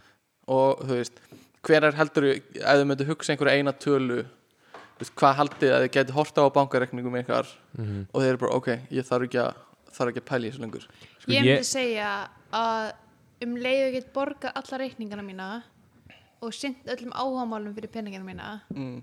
að það þurfi ekki að ég að menna það en, en hvað heldur að það sé, þú veist, heldur að séu 100 miljónir eða 50 miljónir eða bara svona tala sem þú getur séð á, þú veist, bankareikningnum og þá er þetta bara svona, ok ég bara get unnið ef ég vil, ég get líka slefti, já, ég get farið til útlanda ef ég vil já, að því ég stefni, þú veist ef ég fengi allt í einu fylgta penning ég held ég myndi halda áfram að vinna Mhm. já, en ég myndi kannski vinna, þú veist, bara eftir hádegi eða eitthvað, þú veist, þú veist, reyna að finna eitthvað þannig út úr í Mhm. um, en, já ég veit ekki, ég, ég hugsa að sé kannski svona 150 miljonir já, eða 200 miljonir og þá þarf ég örglega ekki að pæli því já, já já, ég veit það ekki alveg, ég einhvern veginn ef ég hugsa um peninga, þá hugsa ég alltaf svona meira tekjur heldur en ein upphæð, eins sem að, já, þú veist, að mér einhvern veginn svona að ég veit það ekki, en ég er sammála Júli á því leiti að þú veist, ef ég get ok, þegar- þetta er eitt sem að- kannski erum að tala um á eftir mm, en þetta er samt tengt þessu ef ég á að hugsa fyrir mig hvað ég myndi þurfa mikið pening til að vera ég með nóa pening Mm-hmm. þá myndi ég segja að ef að ég get borgað alla skuldita mínar mm -hmm, og átt nógu mikið pening inni þannig ég geti keift svona þannig ég geti keift allt að þess að finna eitthvað mikið fyrir því já þá er ég ekki að meina að fara að kaupa snekju eða flugvél eða eitthvað svona ógíslega dýrt já, bara þóttanlega Heldur- bílar og þú vorst að gera við hana já, bara þvóttælinn byrjar að bílinn byrjar að auka hundra áskall og það skiptir mikið máli já, bara ég borga mhm, eða þá bara að þú veist að ég þurf ekki að pæla í því að ég tími nú ekki að kaupa mér mikið af parmesan af því að hann er svo dýr já, já, skilur en það eru margir sem eru í því sem þú ert Já. kannski, mhm, þú veist mér langar að geta farið til dæmis bara í maturubúð Já. og ég kaupi bara það sem ég finnst alltaf best já, Mhm. og það skiptir mikið máli hvort að eitthvað er tvöfald dýrara já, já. skilur. ég er, ég verði veikina ég er soldið þannig meðan ég bý heima hjá fóröldrar mínum eða þú veist, að ég kaupi bara í matinn kannski einu sinni í mánuði fyrir það sem ég ætla að elda annars er það bara til heima ef ég ætla að elda og þá, þú veist, þarf ég ekki að pæla það mikið, í, þú veist, þá kaupi ég bara það sem ég vil já, en ég, ég ímynda mér að það sé allt öðruvísi þegar ég er farin að halda heimili sjálfur mm. já. því ég bý ekki, þú veist sko þegar við byggum úti í Hollandi þá voru alveg mikið að horfa á verð og Já. þá voru okkur upp í júrasjökkar og svona dót Já, ég var að sem gera er það líka. ógeðslega leiðin já, það er það sko já, af því að það var líka svona eins og skilur eins og bara þegar við ætlum alltaf að hafa lax í matinn gerða það tvísjör Já, en þú veist, þá var eitthvað svona, ok, lax Ok, þú veist þet- e- mér Þetta er langaði bara að þetta- fisk á mánudum og þú veist, þetta er og bara gummi matur samþykti bara að hafa lag lax, ég er svolítið, ég er sammála gumma ég verði líka að gera það. ja, Ég er samt þetta á soðin fisk, en þú vilt hann ekki Oj. já, af því það er viðbjóður gummindur Já, En allavega, sko Og þá var málið að maður er eitthvað svona, ok, lax Þetta er bara svona gott fyrir þig En þetta er ekki besti matur sem ég fæ Skilur Mm. Þú veist, Þetta er langt frá að vera bragð besti matur sem ég fæ En samt er lax út í búð, ógstlega dýr og Já, þegar við vorum að dýrasta sem kaupa við í, keyptum. í Hollandi þá vorum við að kaupa þú veist tvö laxaflög á svona kannski tólvefrur sem er þú veist tæpu tvöðuskall já, og þú veist svona verið fínt að maður þyrfti ekki að pæli þessu já, og ég líka, maður slefti kannski að kaupa eins og hérna kaupa netur ofan á laxin mm.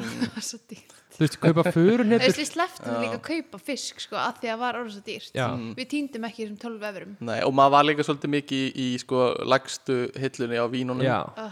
og þú veist, ég væri til ég mér svo fyndi, ég er hérna teindafóldra mínir dek- drekka með dýrvín Já, og ég er svona, standardin minn er orðin svo hár og núna er ég bara að flytja út í master og ég veit ekki alveg, nei Hvað á ég að Það- gera við sjálfan mig, Hann, sko? hann, hann aðlegast sjálfkrafa, sko ég held, að, ég held að það gerist, sko en þú veist, Það er mér mjög finnst fyndið. Mm. líka bara að það er næs að fara út í búð Mhm. og eins og til mér ostar að fara ekki bara að kaupa ódýrasta gotta skólost sem þú finnur skilur, Já, og geta farið og þú veist keift einhvern ost sem þig langar í já, þó að hann skemmist eða skilur ekki Já. vera einhvern veginn þú veist að að maður sé alltaf með ver, verðið Einmitt. bak við já, hausina algjörlega ég greip svolítið fram í fyrir þeim með já, einmitt, akkurat uh, ég vona að takkaði niður í mér já uh, En á- inn á bankabökinni, ég myndi segja svona þú veist, í framtíðinni mikið Mm. núna myndi ég vilja eiga meira en já já ég held líka, ég hef, ég hef ég veit ekki hvort ég hafi,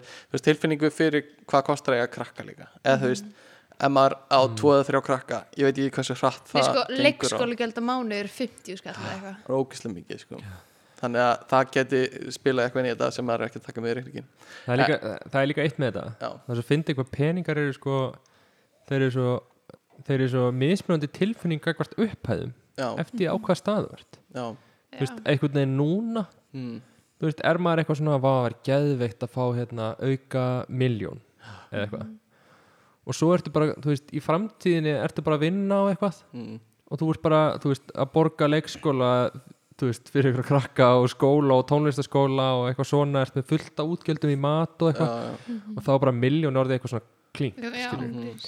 þú veist, þannig ég held svona þú veist, sem námsmaður já, og þú ert bara einn þá er einhvern veginn peningar, þú veist, að fá auka 100-200 úr krónur mhm, er einhvern veginn það er svona miklu meira worth it fyrir alls konar vinnu mm, Mhm. já, já, en í framtíðin ertu bara eitthvað þú veist, þetta er bara dropi í hafið eða skilur einmitt sko, restan af þættinum ætlum við að tala um krypto og það fer eða bara allir þátturinn í, í bitcoin þannig að það verður staðarinn um nei, það ætlum við ekki að gera við ætlum ekki að tala um það en hérna, sko peningar það er, hvað eru peningar krakkar? hvað eru peningar Það er gull uh, það er gull. ekki lengur Það er núna, það er núna rafmyndir vill guðmyndir minna Mér líður svolítið eins og ég sé samfélagsfræði upp á töflu sem kennari og ég er að spyrja bekkin hvað eru peningar og Júlía kalla gull og ég skrifa gull á töfluna Já og hvað meira krakkar, hvað eru peningar, hvað eru peningar uh, en Er þetta ekki basically bara svona einhver skuld eða eitthvað svona lofvörð sem við erum að lofa að greiða eða þú veist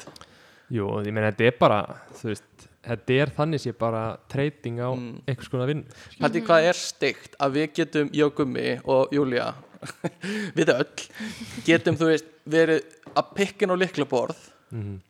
og það breytist í ost sem við fáum heim, heima hjá Já. okkur bara, þú veist í gamla dag var þetta bara geit og þú fegst kannski þú Já, veist, já, Kú tilbaka kú tilbaka en núna er þetta bara eitthvað ég gerir, það sem ég gerir er að ég Já.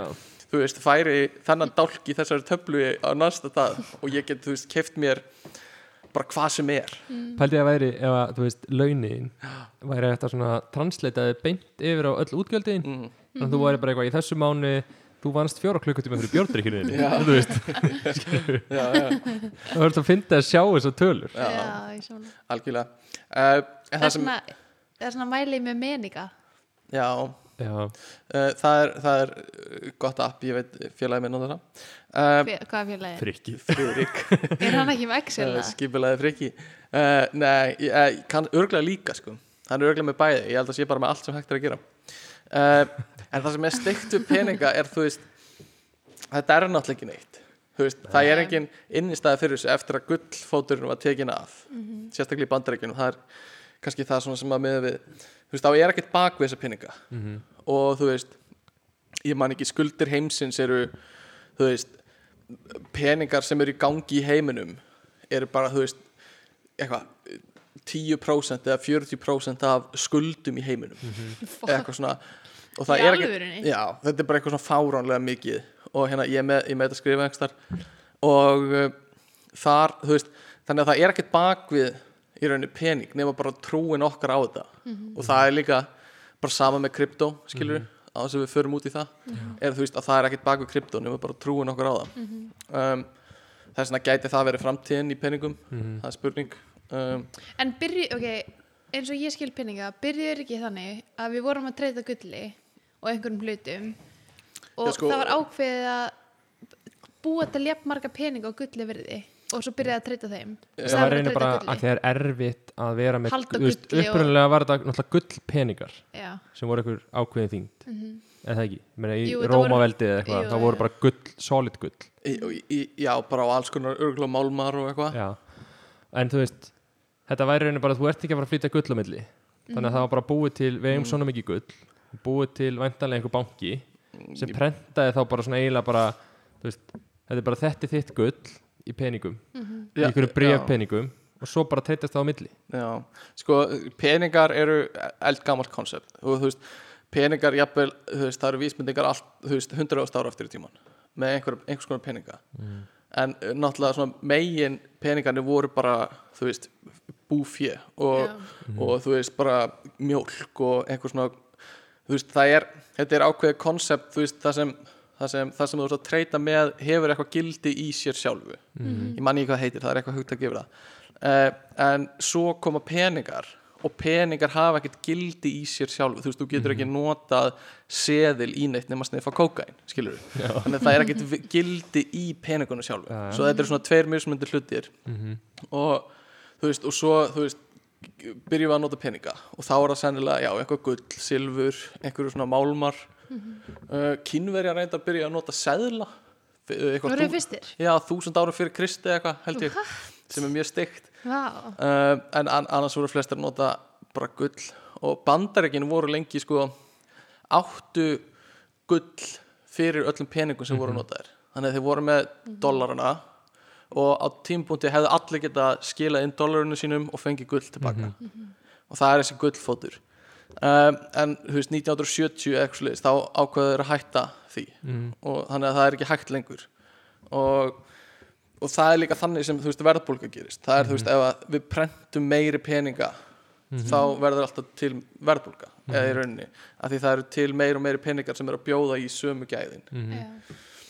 uh, og þ- já og það er basically og það eru þú veist þessi lönd ég er með smá fyrirlestur hérna fyrir ykkur Mér finnst það mjög skemmtilegt. uh, þú veist það eru lönd sem eru með bara brjálaða hérna verðbólgu þú veist eins og bara frægast að dæmi er hérna Zimbabwe dollarinn Hvað er það? sem er bara, þú veist reyndar, þeir eru hættir að nota núna en þú veist, þá var 100 triljón Zimbabwe dólarar var, þú veist var svona cirka 40 cent í bandaríkjunum sem er bara fáránlegt Náttúrulega Ísland er auðvitað alveg svona ólega þarna.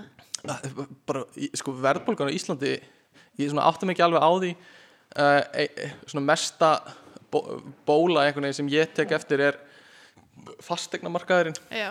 Mhm. Ég er svo hrætt við, ok, þetta er bara too good to be true, sko, að þetta- þessi fasteinamarkaður sé endalust að hafa vaksa, sko. Mm. ég, ég Ég, skil það trú, ekki ég, bara, ég skil ekki hvernig það sé alveg hægt. þú veist, við, við keftum húsið okkar sem ég býi í núna fyrir, ég held að það hafi verið 13 miljónir 97 eða 98 eitthvað leis og það eru, já, kannski 20 ár síðan við keftum það ö, rúm og núna var hús, bara, bara sama hús og við basically, í sömu gutu, alveg eins að fara á, þú veist, 80 miljónir Þetta er fáránlegt, sko. sem er Ég meina, bara, þau- það er bara fáránlegt sko. Ég, ég, ég, þetta hlýtur einhvern tíman að falla, sko. Mhm. Ég er að mamma og pappi keftu þetta hús sem við erum í á, hérna, held ég 20 20 miljónir já, já, já, og það var verið að selja sko húsið hérna á móti sem er minni íbúð á sko 120 það er crazy en þú veist, það, það er alveg eðlegt að sé einhver hækkun kannski Já, en með þetta En er svo, verðbólgunni. svo mikið, þetta er Já, veldið, svo en þetta er ekki til samræmi við launin líka Nei. þú veist, launin voru kannski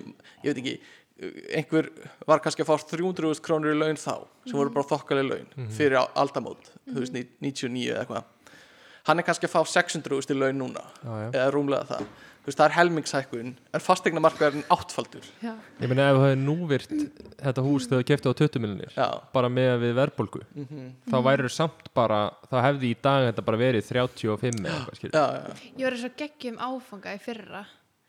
Þið tókuðu hann alltaf líka. hvað hva áfangi var það? Þannig að hag, Hagverkfræði, hagverkfræði. já, já, Hann er ógeðslega áhörður og mér líður eins og við hefum þetta að taka hagverkfræði í sko grunnskóla. án gríns, að ykkur Mm, leita sem að, þann hann var að kenna sér svona verðbulgu hvernig maður reikna bara verðbulgu og, Mm. og lán og eitthvað Mhm, já, já, algjörlega þetta er, þetta er, eh, maður, þetta er eitthvað sem allir þurfa að skilja sko. Ég hef mjög lítið peningalæsi Mm. og það er eitthvað sem mér finnst að allir ættu samt að hafa Þú veist, ég hefði viljað læra meira Mhm. ég hef ekki gott peningalæsi sko. uh, Ég man alltaf eftir því því ég var í grunnskóla þá tók hérna kennar mér bara í svona hann var, hún, var, hún var að kenna mér bara þú veist, við erum fjórðabekka eitthvað já, og ég mani fengum svona perlur og við fengum hundra perlur sem launin okkar og svo var sagt, herrið, þú ert núna að láta mig hafa 40 já, sem er skatturinn svo þarf þetta að borga þetta og þetta og þetta og eitthvað sem var með svona blað sem var svona eitthvað tíu perlur hérna, eitthvað sem þú verður að borga svo varstu með bara eitthvað kannski 20 perlur eftir og þá var spurningin þú veist viltu borga þrjár perlur fyrir að kaupa fótbolta eða þú veist, Já. viltu kaupa þetta eða eitthvað svona, þú fekst svona Eldsneytis- valmöguleika á auka hlutum Ég var að horfa á Og- TikTok í dag Mhm. Nice. Sorry, hérna, en það er alltaf horfa Ég gæti það Æ, ég ætla bara að segja, ég- bara mér finnst ótrúð hvað þessi taktík er eitthvað sem var svo mikilvægt Já, og ég veit ekki alveg hvort það var hluta kennsluskráni eða hvort það er kent í dag eða hvernig það virkar Mm. eða hvort það var bara kennari minn ég held að kennar þinn klála sko. að því að mér finnst það svo bara þetta sat einhvern veginn sem ekki í mér átt þú veist, mér fannst ég bara svona þarna var svona búið að planta þessu frægi í haustum á mér um að sko það væri eitthvað sem heitir skattur og alls konar gjöld sem að þú veist fullori fólk þarf að borga Já, tryggingar og allt svona Já, sem að gera það að verkum að þú veist þó að fóðeldrarnir séu með kannski miljón í laun mm, þá þýðir það ekki að þau séu bara með miljón í vasanum sem þau séu bara, Nei. það séu bara auðveldast í heimi að einmitt kaupa alltaf eitthvað nýtt dót eða eitthvað skilur Já, við. já, mér finnst það svo áhugast að þú veist, af hverju er þetta ekki kent bara, mhm, þú veist, það væri þetta að fara alveg þú veist, svona basic þekking sem þú þarft að kunna í samfélaginu væri hægt að kenna þér í grunnskóla já, hagverkfræði, ekki eitthvað kannski og þú þurfur að Nei, læra en- núvirða og eitthvað svoleiðis en að kenna Vita þér bara, hvað þetta er bara hvað þú borgar í skatt, hvað þýðir að taka lán Mm. og þú veist, En já, með þetta, ég var á TikTok í dag og það var þessi stelpa sem, sem fóldrarnar leti eins og skólinna væri vinna mm. þannig að hún fekk borgað eftir því hvort hún fekk A, B eða C einhvern og, og svo þegar hún fekk A þá fekk hún hálun og B lálun þú veist þannig að borga skatt af þessi og þetta var lítil stelpa, hún var bara ung sko Mm. og náðu þá að sapna þessi pening og skilja bara nákvæmlega hvernig maður eignast peninga, hvernig maður hugsa um peningana sína byrja að sapna sér út um fekk bara að borga tvisur ári ég veit ekki, mér finnst Já. svo geðveitt snið Já. ég ætla svo mikið að gera þetta að bönni mín Þetta- þetta ge- já, þetta er eh, mögulega sniðut uh, Æ, já, mjög alveg snið, ég veit ekki Ég- kannski hvað áhrif þetta hefur líka Ég hérna eh, við, sko, ég- ég veit ekki hvort ég er hrifin af sko, þessu borgabörnum fyrir að standa sér vel á prófum mm. já, Eh, kannski er það sniðut, ég veit það ekki þú segir þetta svona, þá hljóður það hræðilega Nei, nei, eh, nei, e, e, þú veist, ég man að það voru fullt af krakkum í mínu skóla í sem, sem var alvörunni, þú mútað hljóður það úr skilur garðabönnum Já, en þú veist, þá, já, ég er úr garðabænum og við fengum öll borgað fyrir góð, góð, góð einhvern, nei, en það voru, þú veist, krakkar sem voru eitthvað svona, ef ég fæ þessa einhvern, þá fæ ég þetta, bla, bla, bla, Já. eitthvað svona. Um, og ég kannast ekkert við þetta uh, uh, Nei, eh, og ég kannast ekki heldur við Ég það, er þetta ekki er Garðabær, sko. ég, já, þetta er svo mikið garðabönnin uh, en þetta voru þá yfirleitt krakkar líka sem voru ekki að standa sér nógu vel þetta var kannski eitthvað svona eitthvað, eitthvað tilraun hjá fóröldarinu, veit það ekki en fóreldrar mínir vildur aldrei gera þetta sko. nei, við fengum samt alltaf, þú veist eh, ég man að ákveðin tím, tímapunkti byrjuðum við að fá svona hérna, fórum alltaf út að borða eftir próf Mm. Mm. og hérna og við fengum alltaf uh, DFD uh, gefið, þú veist, út að borða Mm. og, og það var alveg sama hvort okkur gekk vel eða illa já, já reyndar gekk okkur báðum f- alltaf freka vel sko Mhm. en, en það var samt alveg óháð því sko já, Mhm. já, þannig að bara svona sama hvort þú stendur þig vel eða illa eh, veit ég ekki ég held að ég held að sé líka bara heilbrikt, sko já, já. já, Um, Þú veist, ef barn- ef þú veist að barnið þetta er að gera sitt besta já. þú veist. Ég, ég- sko, e- eitt annað sem líka ég veit að, að mótaði svona peninga hugsun hjá mér er að ég, man- ég var ekkert tíma að tala um mömmu, við vorum held ég út að labba þegar ég var mjög lítill og hún var að tala um að hún var að fara að halda einhver fyrirlestur eða vinna eitthvað svona og ég var rosa upptekin að ég bara hvað hún fengi borga fyrir það og eitthvað svona og hún sagði bara einhvern tímann eitthvað svona þú veist, ég, ég er ekki að fá neitt borga fyrir þetta stundu þartu bara að gera hluti á þess að fá borga fyrir það Mm. Mhm. Mm. og þú veist, á þess að, að sé einhverju peninga bak við það Mhm. þú veist, þú ert bara að gera það af því þú veist, þú vilt það eða já, af einhverju öðru mótífi þú veist, að- upp að því hafði ég alltaf hugsað bara þú ert að vinna og þá þarf það á pening og peningar er allt Mhm. já, já uh, varst þú ekki að fara að segja eitthvað? ég held ég hef gripið fram fyrir eitthvað nei, okay.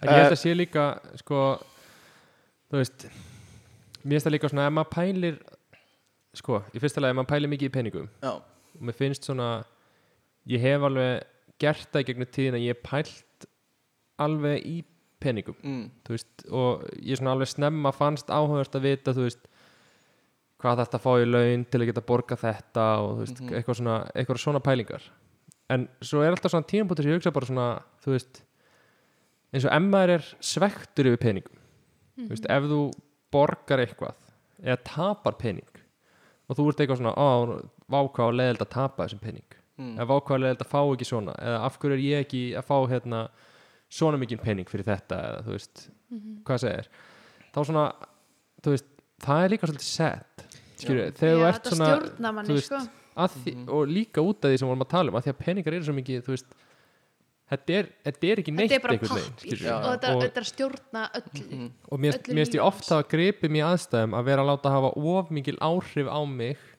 í haustum á mér Mhm.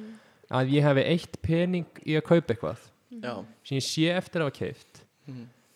en svo einhvern veginn nokkrum mánu setna þá myndi þessi peningur ekki breyta mig nein með mig og eitthvað svona, ég hefði aldrei tekið eftir Nei. mér finnst það, svo, það, þú veist, það er svo pirrandi eins og bara úti, akkur keftu við ekki nokkur sinnum á efstu hillunni, Já. rauðvinni einmitt, að þegar maður var eitthvað að við verðum að spara og kaupa ódýrast og, og þú veist, það hefði ekki skipt okkur neinu máli já, og þegar maður var þarna úti, þú veist, maður var eitthvað svona að telja stakar efrur og, já, eitthvað. já, og maður er eitthvað svona, það er svona aft- festist bara í þessu þetta Mhm. verður svona smá þráhyggja sko, Algjörlega. eitthvað svona, algjörlega og þú veist, fyrir okkur þú veist, núna sérstaklega eftir COVID finnst manni fáranlegt að fyrir COVID hafi maður eitthvað hugsað út í Hollandi eitthvað svona, mér langar ekki alveg að fara á bar og borga fyrir bjórin þar Já. ég ætla frekar að vera inni, Inni, já. Mhm. og kaupa ódýrasta bjórin sem hún færið út í búð Einmitt. að því að maður er bara eitthvað, þú veist í dag er maður bara eitthvað, þú veist ég hefði Bara ég borgað myndi fa- hundruð skall fyrir að fá tjámið Já, þú veist, þú veist, þetta er eitthvað sem mú- mikið búið að breytast hjá manni, af því að maður er einhvern veginn þá var maður að pæli því bara, vá, það skiptir miklu máli hvort ég borgi þr þrjár efurur aukalega fyrir bjórum minn og einhvern veginn það liti til þess að, Mhm. að ég veit ekki, maður gerir þetta oft með peninga maður er svona, þú veist Algjörlega uh, Ég er með smá leik fyrir ykkur uh, Ég er með hérna Ég ætla að spyrja ykkur út í eh, íslensku seðluna Hvað er á þeim? Og þið ætla að segja mér hvað er á íslensku seðlunum Þannig að við ætlum að byrja á uh, The Big Blue The Big Blue, Blue, Blue, Blue Tíðuskallin Hvað er á tíðuskallinu? ég hef ekki hugmynd Það er uh, kall og fugl ég ætla að segja Lóa Ok, uh, gummi það er hérna, hann hérna það er Jón Arason biskup og það er e, sem sagt Rappn uh, Júlía hafði rétt fyrir sér, það er Lóa Woo-hoo. Og Jónas Hallgrímsson æði og hörpu skil og, Hver- var þetta Jón Arsson? nei, nei, nei, Jónas Hallgrímsson Jónas Hallgrímsson Mm. um, og svo ætlum við að fara í fimmúðurskallin reynum að halda smá tempo á hérna Hva, hver er á fimmúðurskallinum? það er hún Sveinbjörg Nei, en kannski svona næstu því Svein eitthvað S Svanhildur mm, það er uh, Ragnhildur Jónsdóttir biskupsfrú á Hólum Ó, og ég ætla Gísli hún væri á- Þorlóksson biskup og svo eru fleiri hérna uh, ég held að hún var á þúsundkallinum ég held að hún var á fimmurkallinum og ég var að reyna að segja hana ah, og svo eru fleiri konur aftan á líka einhverjar, já, gróa og yngibjörgu uh, en hver er á tvöðurskallinum? Þetta ættu að vita Þetta er sko, ok, ég veit hvernig hann lítur út. Þetta er kall með mjög hátt, eh, svona stóran hatt. Ú, vá, vel gert, það er á rétt tvöðurskallinu, Það ég man kall- ekki einu sinni hvernig tvöðurskallinu er út sko. Það er kall með stórun hatt Er ekki mjög með langan hatti? Já, jú, jú, jú, vá, vel gert Það er alveg rétt hjá þér Peningar sjeni Já, kalli minn. Já, ég segi þér okkur. Mm. Pappi átti alltaf svo marga tuðskall Ah. heima. Þetta er, Sem ég gall aldrei nota á því sjoppa því að fólk trúða mér ekki að það eru peningur. aha, Mhm. vá Þetta er okkar eh, frægasti málari Kjarval. Þetta er Kjarval Og listaverk eftir hann Og við hefum tvo, tvo eftir Júlía er að rústa þessu Hver er á þúsaranum? Það er, Þetta er maður sem ég held fyrirlestur um í sögu í, á þriðja árunum mínu í Ammer já, sem gummi ætti er nú að þetta kannast við Ólafur?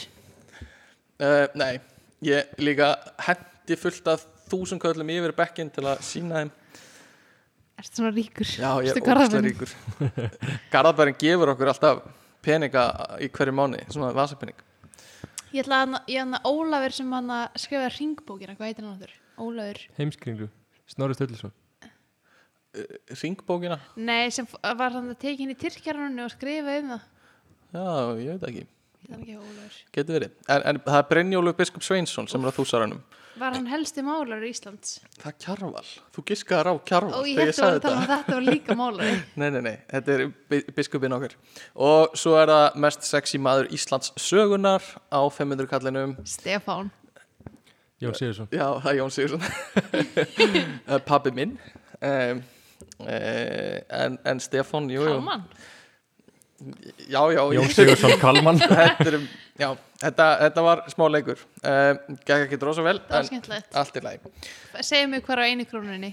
uh, Á eina krónunni er uh, Síld Hmm? Getur það ekki verið? Jú, kannski. Er ekki Er það ekki á síld? tíu krónum? Jó, eh, sko, örglega En á- ok, ég myndi segja að eina krónu síld Á fimm kallanum er einhverju höfrungar eða eitthvað Á tí kallanum Mögulega loðuna, eða eitthvað svoleiðis 50 kallanum er krabbi og þorskur á 100 kallanum Hvað sagði það að vera á einu krónunni? Síld, Þetta er þoskur. er Með þetta þorskur? skegg. Ok, ok Ég er heimskur um, Ok, ef, ef þið væru með núna Bara mjög mikinn penning Mhm. Bara slattaða penning Eh, Þau eru ekkert mikið að pæli því Hvað var það fyrsta sem ég kaupið ykkur? Ég myndi kaupa mér íbúð af því að ég bý ekki neins það núna. Ok, þú myndir kaupað bara íbúð á Íslandi Ég myndi kaupa mér íbúð, vá, á Íslandi. Eh, mér langar að búa í Íslandum. Já En uh, Ok En á Ég- þetta er Íslandi, bara já, gott- ég myndi búa í Íslandi. Ég myndi Þetta er, kaupa mér bara, íbúð í þetta Íslandi. er gott svar og svona praktíst svar Þetta er svona líka næstu stóru kaup sem þú myndir sannlega gera Já, En var ekkert eitthvað svona skemmtilegt Þú veist, ekki það að þetta sé ekki skemmtilegt En eitthvað svona, ég myndi kaup mér 80 tómi sjónvarp ég myndi inn í Sveinborgi. ógeðslega mikið vilja fara og kaupa mér ógeðslega mikið af fötum. Ég veit En sem bara alveg fyrir um garð- eitt sem er Fyrir sem er þið langar í. garðarskjöfina þá eða Ha, Einhver svona garðarskjöfötur eða já, svona garður ekki fötur.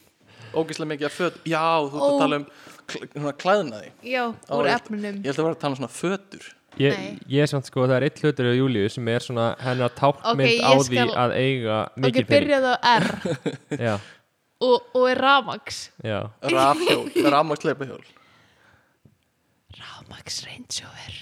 Aha Já, Júlia er mjög, miki- mjög spennt fyrir að eiga Ramax Reynsrós Myndur þú rúla upp á honum í skólan og ættir hann? Jöps. Sæt. og þú myndir ekki heyri í honum Þetta er pleppaleg Love it, ég love it En sko, En ég, þegar ég, ég, mynd, Mm. verið millinarmæður í framtíðinni, þá skul ég sækja ykkur á ramax Range Roverum mínum. Ok, ég fíla eða bara takk já, ég, sko Þú náttúrulega talar um ef ég ætti mjög mikil pening Já, bara svona slatta, já, bara pening, pening Ég myndi náttúrulega kaupa einbílsú sko Ok, Með ok sundlug Af því eða að potti. um. ég, m, já, veist, Nei, aftur- ég myndi kaupa einbílshús með sko köldum og heitum bóti Já, og sánu, Mm, og geggja sánu. og sko, Fallin garði, grill, svona grill Já. allstað. Fyrir alla fötuna þinnar Fyrir alltaf fötuna mínar, garðiski fötuna mínar. og það er svona nokkur hlutir ég væri til í, þú veist, til dæmis inn í svefnherbygginu mínu Mm. væri ég til í að vera með svona Pornhub herbyggi kynlíksrólu Hvað var þetta, Júlia? Júli Æ, er að ég gera var að pornhöp spila Pornhub. Uh, okay. Yeah. yeah. en hérna, nei, ég væri til í svona myrka gardinur Mm, sem eru sjálfstyrur Guðmundur. okay. Love it Mm, og ég væri til í að Við allt- guðmyndur erum með samning Ég er alltaf að kalla eitthvað viðmyndur núna Þannig eins Love og þess að it ég vera að skamma mig og batna sko Já, að við erum með samning mm.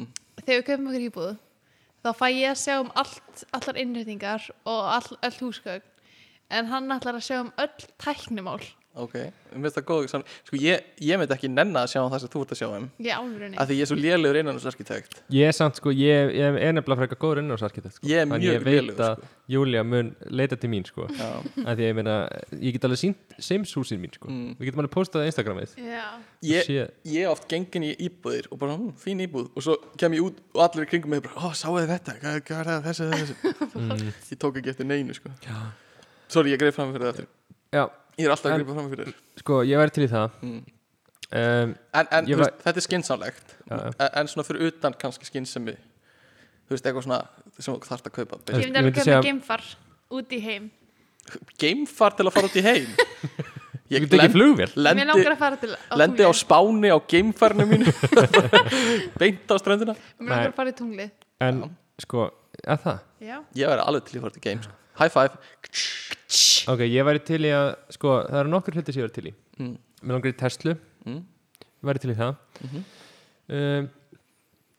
um, Og hvað er Ég að væ- fyrsta sem myndi kaupa fyrir mig og þetta er ótrúlega mikið penning Ú, fyrir Demant. þig, Ramats, Ramaks Fyrir auðvitað Reynsróður ramaksins fyrir demant utan það já, þá myndi ég, uh, Ég veit hvað ég myndi kaupa Hús. fyrir þig. Ég myndi kaupa sennilega soja rjóma oh, og vöflutæki Þetta er inside green hérna en allir góð ég fekk bara tilfinningina ég var bara að trúa honum upp í ykkur Æ, Við ætlum ekki að segja þessu sögu, Þetta Nei. kemur bara mjög illa út fyrir mig og gumma já uh, en, Ef þið viljið endilega heyrna, senda okkur post og við íhugum það já, en sérstaklega bróður hans yngva Já, Kristó Vi, Við erum hætt, sko, ég var að hugsa um að, hætta, að taka það ákvörðin að hætta að kalla hann bróður yngva og byrja bara að kalla hann Kristó Af því mér Ég- finnst heitir hann Kristoffer Já, mér finnst hann hafa alveg unnið sér í- f- fyrir því Já. að vera ekki lengur bróður yngva mér erst mjög gaman að sjá hann í sko, ammælinu skumma En Gummi, þú varst að fara að segja eitthvað já, uh, ég er með nokkra hluti bara sko Ok, Sem bara, var- og ég væri til í að eiga- ég væri til í að eiga hús uh, í Ölpunum ok oh, Skíðahús, Mhm, já, ég var ekki eða til í sammála. Með heitum potti já, Sick. ég væri til í að eiga já, ég væri til í að eiga hús á mörgum stöðum Ok, og svo eru mjög margi staðir sem, ég- sem ég langar að búa þú veist, ég væri til í að upplifa að eiga íbúð í New York, ok Mhm. bara til að prófa New York í London, ég væri til í að vera í svona heiðustúku á Chelsea vellinu Já. það verður eitthvað sem ég væri til í Sponsoruð af gumma, stór, bara stort gummi að skilti Já. á þeim. en þú veist, ég veit það ekki, annars kaupa mér ég væri enda til í að vera náttúrulega með eitthvað svona bara geðveikt stúdíu Já, það var, já Ég var, ég var svona semi að leita því, sko Já. Það er, það er príma, sko ég væri til í að vera Það er bara low-key. og Það þú er veist, glóki geggjað það er lóki ekki sko. uh, Já, bara eitthvað sem væri, sko, ég myndi vilja hafa bara svona ógislega mikið af hljóðfærum, Mhm. ég myndi vilja hafa allt tengt alltaf næs Það er ekki snúru vesen Nei, það er nefnilega eitthvað sem, að, eitthvað sem að er alveg svona mikið fætti sjá mér er að allt virki á mjög einfaldan hátt og ég elska snúrur Mhm. Já. og fólk tengir ekki við snúrur Nei. að þú veist, eins og Júli er bara eitthvað hvað er þetta að gera með svona margar hátíði mistúr en þú veist, Ég er líka þar Ég er allt, reyna alltaf að hafa svona allt á mér já, Í töskunum minni eru alltaf svona 17 snúru já að það er líka, Ég það er eitthvað skil svo þetta sko, ógeðslega. Eins Það og- er bara svo næs, ef þú ert einhvers staðar og er einhver með oxtengi og ég bara, já og svo bara Sko- gref ég einhvers staðar um En- töskunum minna Stefán, þetta er ekki næs Jú. Þetta er Af því nice. þetta er líka, sko þess að hugsa þér þegar fólk er að, ef þú ert að fara að setja eftir á sjónvarpið þitt eins og það er til fólk í heiminum sem að færir hátíði mistúru eftir í hvað ætlar að horfa á. Þú veist, við gerum það alltaf að ég er lítil ég, það er fáralegt, pæltið að að vera bara eitthvað skipta melli hana, sjómansins og svo spólutækisins já, ég meina bara, af hverju átt ekki bara tvær snúrur og tvö tengi, en þetta er bara, þú veist Já, þannig ég elska snúrur Já, ég tengi rosa mikið við þetta stúdíu og pælingu hjá þér af því ég veit ekki hvort að hlustnandi vita en við erum eiginlega alltaf að taka upp á mismöndu stöðum þetta podcast Mm. og ég er alltaf að setja upp aftur já, þú veist, ég er, er orðin svona frekasnöggur eða þú Mm. veist, veit alveg hvað ég er að gera þú veist alveg stökkur núna en, en hérna, það væri svo næs að þurfa ekki að gera það alltaf við líka fórum sko, við fórum með fjölskyldunni Júli í stúdjó í sveitinni fyrir utan París í Fraklandi, Já, þið tókuðu upp heila plötu já, tókum heila ef að plötu áhuga sem er vilja Og- hlusta á þessu plötu þá skulle ég senda á ekkert að frekta já, það er eitthvað sko. spottifæði punktur .com spott en sko, þar var eitthvað svo geðvægt við að maður vaknaði og við fórum niður og fengum um croissant með Alan með Alan sem var fengum okkur hljóðmæri Nutella og fengum okkur Nutella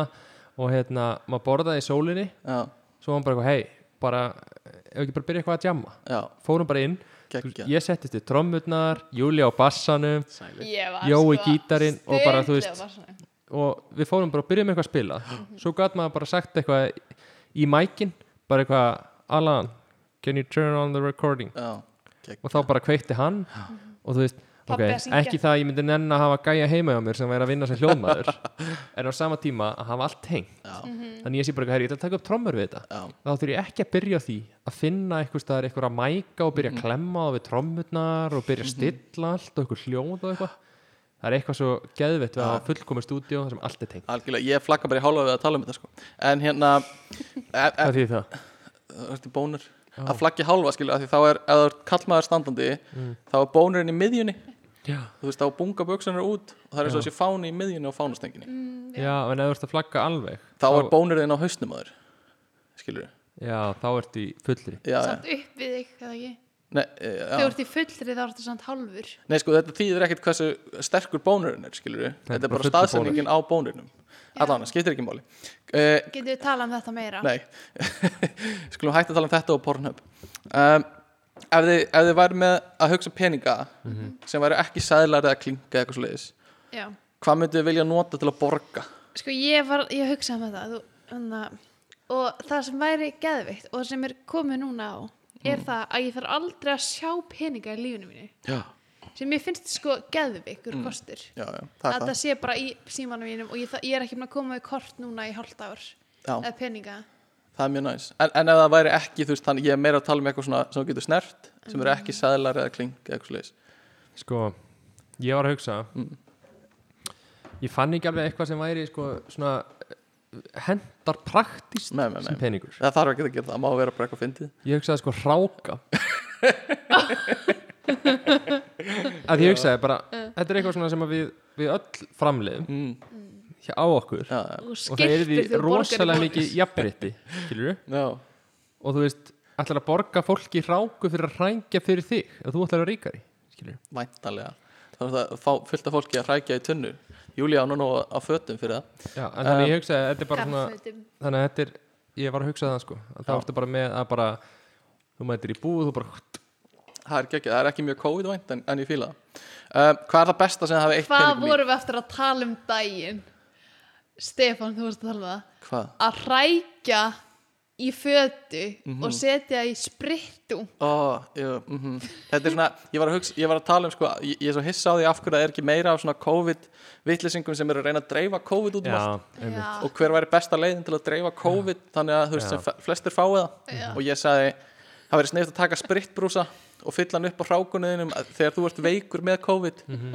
og þannig að fólk heldur að sé að spritta sér hendunar en það er reynir bara að setja hrákan þinn á hendunar sínar Ói, þetta er svona að þú heldur að þú sért safe en þú ert í rauninni aldrei safe um, en, en Já. út fyrir það hvað er það besta sem það hafa eitt peningunum ykkur í? sko ég er með banger hvað er með banger ég veit nákvæmlega hvað hlutur það er sem ég hef eitt sem er besta fjárfæsting lífsmýrs Kóðum með það það er bluetooth tengið í aðreistnum Já, oh, ég, ve- ég er, þegar þú nefnir þetta þá er ég alveg samlæður mm. alveg að sko ég kefti þetta á AliExpress þetta er eitthvað drast já, og ég kefti þetta á svona þú veist, þetta kostaði svona kannski þúsund kall max og þetta er búið að endast í bílnum mínum geggja í mörg ár Geggjað. Meina, hvað, þetta er búið að endast alveg í allavega sko, sex ár já, við keftum þetta um að lauga bakka Já, Nei, við erum Mörg- búin já, að þetta sá- eru f- já, svo fjögur ár fimm ár já. sem er ótrú ótrúlega Það er líka ekkert meira perandi heldur en koma upp í svona Jaris eða gána bíl og eitthvað á ég ekki tengja síman og bara, fyrir ekki, ég er ekki með Bluetooth tengi Það er bara, þú vilt ekki lenda í því sko Bjöggi er með hann er bíl Hann er, hann er alltaf með CD-diskana sína Bjöggi á flottan bíl, hann skulda okkur heim daginn Já, flottu bíl, en það er ekkert auka á honum sko ekki það er ekki einu sinni svona snúningamælir þú veist þú, hann, bara, hann, hann er bara með ör þegar hann þarf að skipta um gýr þá er Nei. svona ör sem kviknar á upp eða niður um, ok, en Júlia, Ég reyndar- hvað er það ég, besta? ég horfi ekki á, horfi þið á snúningsmælina ég horfi, s- nei, ég er líka með sjálfgerðandi bíla núna en ég gerði það þegar ég var að gera benski það sjálfkerrandi bíl ég og Jarisinn er svo syngu Sjálfskipta. sko, við, við, ég finn það já, ég finn hvernig hún já, þarf maður, næst he ekki Mm, maður heyrir Sif, sko skiptu, skiptu bílan okkur mér heitir Sif niður, Já, upp, Sif, bílun okkar Sif já, bíl, ég er sinni eitthvað heitir Sif en Júlia, hvað er það besta sem þú hefur sko það sem ég hugsaði var hvað er að mesta sem ég eitt pening í og svo ógeðslega góð kaup samt Mhm. og það er drúslega boring en það sem ég hugsaði er tölva mín já, bara geggja, ég Þú er veist, bara sammála því ég, bæðið skiptin sem ég keftum tölvur hefur verið bara eitthvað svona geðveitt brók eftir það, Mhm. ógeðslega dýrt 500 skall, 400 skall svo er þetta bestu kaup sem ég hef eitt í þú algjörlega, líka, ef ef þú myndir reikna tölvuna þina niður á klukkutíma Mhm. þá væri þetta svo mikið að borga sig já, algjörlega. nefnilega sko. um, hvað er hérna í ykkar huga, hvað er svona nóg á penningum Hva, hvað er svona, ok ég, nú ætlum ég að hætta að, sko, það var það sem ég var að tala um á það er ef að ég á efnaði að borga allar skuldina mínar Mhm. og ég þarf ekki að pæla í verðinu á litlum hlutum já, þú veist, ég get þú veist, ég get keift hvað sem ég vil út í maturubúð ef ég fer eitthvað nýri bæi eða eitthvað ég get lift mér að fara út að borða og kaupa drikki allt kvöldið og svoleiðis og bara svona, þú veist, Mm. þessi pæling ég samt áttum ekki alveg hvað er nóg og hvað er ekki nóg skilur, Nei, hver, nei. þú veist, ég, ég, ég, mér finnst 500 miljónir mikið en eru 500 miljónir að fara eh, að næja mér út lífið það mér finnst það sennilegt sko en, en ég, já, ég hugsa það sko en það er náttúrulega er einhver upphæð sem er, þú veist bara með basic ávöxtun er hún nóg til að gefa þér kannski Það er mánaleg bara- til já, dæmis já. bara Um vextinir já, já, og þú veist, emitt og það er ekki mikil upphæð Nei. Mhm. Þú um veist, einhvern leið, tíma- ok, svarmynd er um leið að vextinir mm -hmm. að penjum mínum eru svona svona 2 miljónur í mánuðalun Vá, já, ok það var ég satt Uh, ok, við þurfum að halda smá tempo í þessu Já. um, að því við, ég er með smá gott rík í loki sem ég langar að lesa um, hva, Júli, ég vil að þú svara fyrst hvað myndi það kosta, hva, hversu há laun myndir þú vilja fá á mánuði fyrir semst að sitja ein í klappstól í tómu herbyggi það er ekkert inn í herbygginu nema þessi klappstól og þú gerir ekki neitt í átta tíma á dag en þú ert með kaffipásu tvisar á dag eða eitthvað slags og kannski mm -hmm. hátegismat basically bara vinnaðin er að sitja í tómu herbyggi í klappstól hvað vilt þú að borga fyrir? það fyrsta sem ég hugsaði uh, fyrst sem ég heyrði þegar ég las þetta Mm. var closet ég var bara, nice Ég skil ekki maður chillar nú oft á closetinu Já, ég skil ekki en á klapt það hljómar eitthvað mjög illa Ekki símaneginum, engar svona distractions Já, bara sko, sitja. ok, það sem ég hugsaði var sko, ok, ef þetta er langtíma vinna Mm. þá þarf ég að fá fokking mér borgað en ef þetta er í viku, þá er ég til í bara eitthvað smá Þetta er bara pening, eitt skilur. ár, kannski eitt ár, þá þarf ég alveg mjög mikið peningamáni þá þarf ég svona þá þarf ég svona, ok, hvað ætla ég að segja ég þarf svona 2 miljonar mánu uh, Tvæ millur Til Það þess er að kúl. gera þetta. Eh, Já, fíla, eftir skatt nei, nei, Ok, en gummi Ég myndi vera meira sko að það Þetta er svo dreflegilegt, sko að þetta er samt líka bara getur verið En að sko eftir að þú breytir þessu í eitt ár Já, það það breytir nefnilega Það miklu breytir aðeins sko Ég myndi halda samt svona Þú veist, ég þyrt alveg svona Svona 8 miljónir allavega ok, ok Já, um, sko uh, Ég ég væri Það til í máli. að ræða en sko, þetta meira En við myndir, höfum ef bara svo einhver myndir bjóða þér vinnuna myndir þú segja ég þarf 8 miljonum, myndir þú segja nei við 4 miljonum á mánu við það að gera þetta Já, nei við 4 miljonum á mánu já Ég heilt Fyrir ár að sitja Ég er bara Eitt þriða sólhengnum mínum Er ég bara að deyja á leiðindu Bara með eitthvað kapin Mhm. fýður Algjörlega Hva, hvað myndir þú gera? Ég veit ekki, örgulega einhverja miljónur líka Svipað á þú sannlega Ég hefa svona aðeins meira tolerance heldur en gummi greinlega En, en, Ég já, er bara, þetta er bara glórulust það er svona 4 miljonum sem farið þessu af, í skatt sko.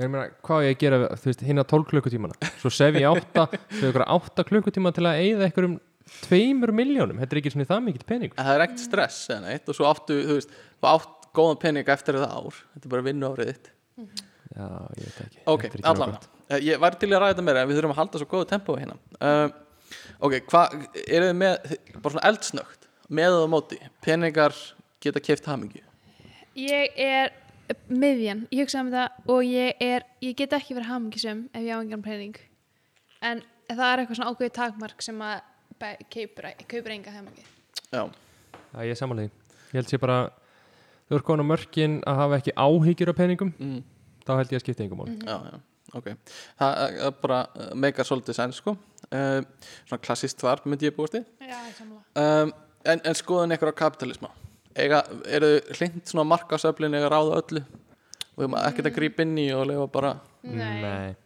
svona besta dæmið það finnst mér vera að lifja bransin Mhm. það er þú veist, þau geta pumpað upp verði á bara þú veist, sikursíkis lifjum og hverju sem er Mér er um alltaf með líða á græða bara fáir Já, Mhm. já. Skilju, bara ákislega mikið pening Og ég held að það vill engin Ef þú er að stýra samfélaginu ofanfrá mm. ekki auknum sjálfa þig þá vill enginn að samfélagi virki þannig að margi fátækir og Nei. En fáir það, ríkir það er náttúrulega þannig í dag Já, og samfélagi virkar svolítið þannig og og hafið, þú veist, þú veist, myndi bandaríkin virka sérstaklega mikið þannig. sérstaklega þannig, sko og já, þú, veist, þú sérð að það er náttúrulega bara farulegt já. gerfi það er svolítið mengalla kerfi, sko, að mörgu leiti Minna, við Norðurlöndin eru náttúrulega svona sennilega næst því að vera, mm. vera ekki mikill kapitýri Já, sko. Sko, eitt gott við kerfi í bandaríkjunum er hérna eins og sjúkrakerfi í bandaríkjunum meingallað, en, en eini kosturinn við það er að þú veist fyrirtæki eh, tryggja starfsmennina sína þú veist, þú farið yfirleitt tryggingu í gegnum fyrirtækið þitt health Ég- insurance og eitthvað svona og góða við það er að þú veist, þau vilja og láta þau fara í check á hverju ári það er þetta physical sem þau fara í og þá þú veist út af því að fyrirtækinu vilja ekki þurfa að borga of seint eða þú veist og borga rosa mikinn pening of seint Mhm. fyrir þú veist að þú sért veikur já, þannig að þau vilja grípa þetta snemma fattast fyrir í ferlinu Já, og það er svona eini kostar sem ég dettur í hug var þetta kerfið í bandaríkjunum Mm. að því hérna á Íslandi býður fólk mjög lengi með að fara til læknis Mhm. oft uh, sérstaklega karlmenn helvítis karlmenninir en það er alveg rétt, sérstaklega karlmenn um, þannig eh, að já, einhers konar svona millivegur í þessu markasöfl var þetta inngrip hjá ríkistjórnum Já, ég myndi segja það um, það er þetta sósialíska kerfi sem er á Norðurlöndunum það hef- er svona ágætt, hefur sína kosti um, peningamynd, bíómyndir Mhm. og við erum ekki að tala um Big Short af því mér datt svolítið í huga að Júlía myndi nefna Big Short eftir að við horfðum á hann um daginn en eh, dekk, hvað eru sem svona er góðar náttúrulega frábær mynd Það er frábær og þegar ég er á því að það er besta money mynd sem ég sé Já, það er einn besta money myndin bara en þetta er ykkur huga einhverja fleiri money myndir Wall Street, Wolf of Wall Street eða bara Wolf of Wall, Street. Wall Street það er til tvær, Wall Street svo er önnur sem heitir Wolf of Wall Street ég er þannig Wolf of Wall Street en það eru báða góðar sko Ég er nefnilega ekki séð Wall Street, en ég heyrði þessu góð Já, hún er góð Svo var gerð einhver um, Wall Street 2 sem var ekki eins góð Eitthvað annað sem eitthvað þetta er í hug um, Já, Wolf of Wall Street, ég samála því Mhm. Það er góð mynd um, Moneyball, Moneyball, það er hafnaboltmynd sem, sem er svolítið Sem er svona- gagnadrifin já einmitt, Svolítið data analyst Já. sko, en, en hún er svona, veit ekki Hvort hann flokkar sem tæplega peningamynd beint sko, Eh. En hún er samt náttúrulega hann introduceði þetta, þetta, þetta kerfi að borga leikmann sko. ég get, ég get gefið þér það líka að því hún er með money í nafninu sínu Já Ég held- Það hefur jafnvel áhrif Já. Eh. sko Ef hún heiti bara baseball En það er mynd um sem sagt hafnabolta fjöðalvara sem kemur inn í stórt liði bandaríkunum byggt á sönnum atbyrðum og ræður til sín gagnasjárfræðing sem fyrir að analysa leikmenn á, á blaði en ekki hvernig þeir eru endilega að gera að skáta á vellirum og þeir vinna rosa mikið Já. bara út frá nýju kerfi um, Ok, og, og loka spurning ég sem eh, innan gæsla bara hraðspurningum hvað fenguðu mikinn fermingapinning? ég fekk svona 350-400 Sheesh Ég Sheesh. fekk uh, rétt rúma 100 skrúnur Já, ég er, ég er á samastafu gummi sko. Og ég- en, Helvítis en ég man að því ég fekk þetta Mm. Þá var ég bara svona þú veist, Þetta var svo brengla Því að maður er að fermast En ég fann að ég svona fann fyrir massíri minnumáttakend Já, Ég þorði ekki að tala nei Ég fekk svo lítinn pening Og ég eitthvað svona Og líka hérna, þú veist, í þessu hverfi sem ég ólst upp í mm -hmm. sem er alveg svona vel stætt fólk það áttu allir eitthvað svona það var ógislega klassist að svona ammaðin og afi keftu fyrir því sjónvarp og bíl eða eitthvað skilurðu. og, og ég man eftir þessu og ég bara eitthvað svona, "Vá, ég get ekki sem tala um það ég, ég, ég fekk bara eitthvað bækur og svo Já. eitthvað smá pening á milli ég, ég, það var líka þannig að ég átti fullt af vinnu sem voru að fá endalusan pening já, og ég man bara eftir að hafa verið í fermingu hjá einum félagi mínum og bara umslegin hrönnuðust upp á gjáðborðinu einmitt, og hann endaði bara í 500 pluss eiginlega sko. mm. sem er svo brengla að maður hafi verið sko á þessum Það er crazy, aldri það sem er svo klikkaði fermingar -hmm. að pældi að maður hafi verið á þessum aldri og maður hafi verið með minnumáttakend yfir ykkur upphæð sem veist í fermingagjöf Já. þú veist, að bara að vera að ala uppi eitthvað svona peninga pappi sett allt í skuldabröðu mér já, bara sniðugt já, það er búið að vaksa alveg mikið það sko. minna ríkiskuldabrið það eru safe investment sko. Já. um, ok, ég, ég, ég fíla þetta um, Gummi, varst þú með eitthvað svona áhugaverða hluti sem er hægt að gera við peninga eða eitthvað eða var það svolítið erfitt kannski að finna það já, það var svolítið erfitt að finna það Mm. en hérna ég er með nokkra hluti Já. uh, fyrir 3500 dollara getur þú keift svona Cheetos sapngripi Nice. svona Cheetos flugur getur keift svona Cheetos flugur sem kom út þú veist, einhvern veginn ákveðin í læginu það er fólk sem sapnar því nei, Cheetos flugum sem er einhverju, e, á einhvern e, á einhvern ákveðin hátt í læginu Nice.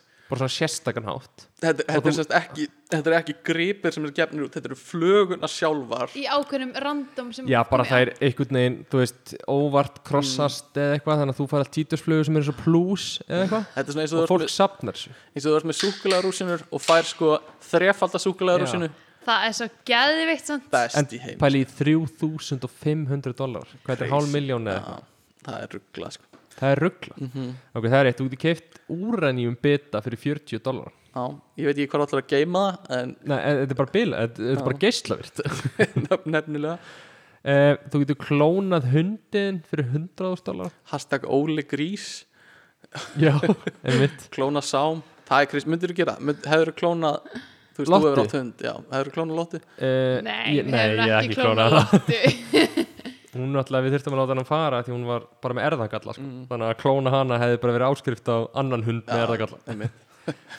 En uh, svo er annað þetta, Madonna, sönguna Hún borgaði 10.000 dollara á mánuði mm. Hmm.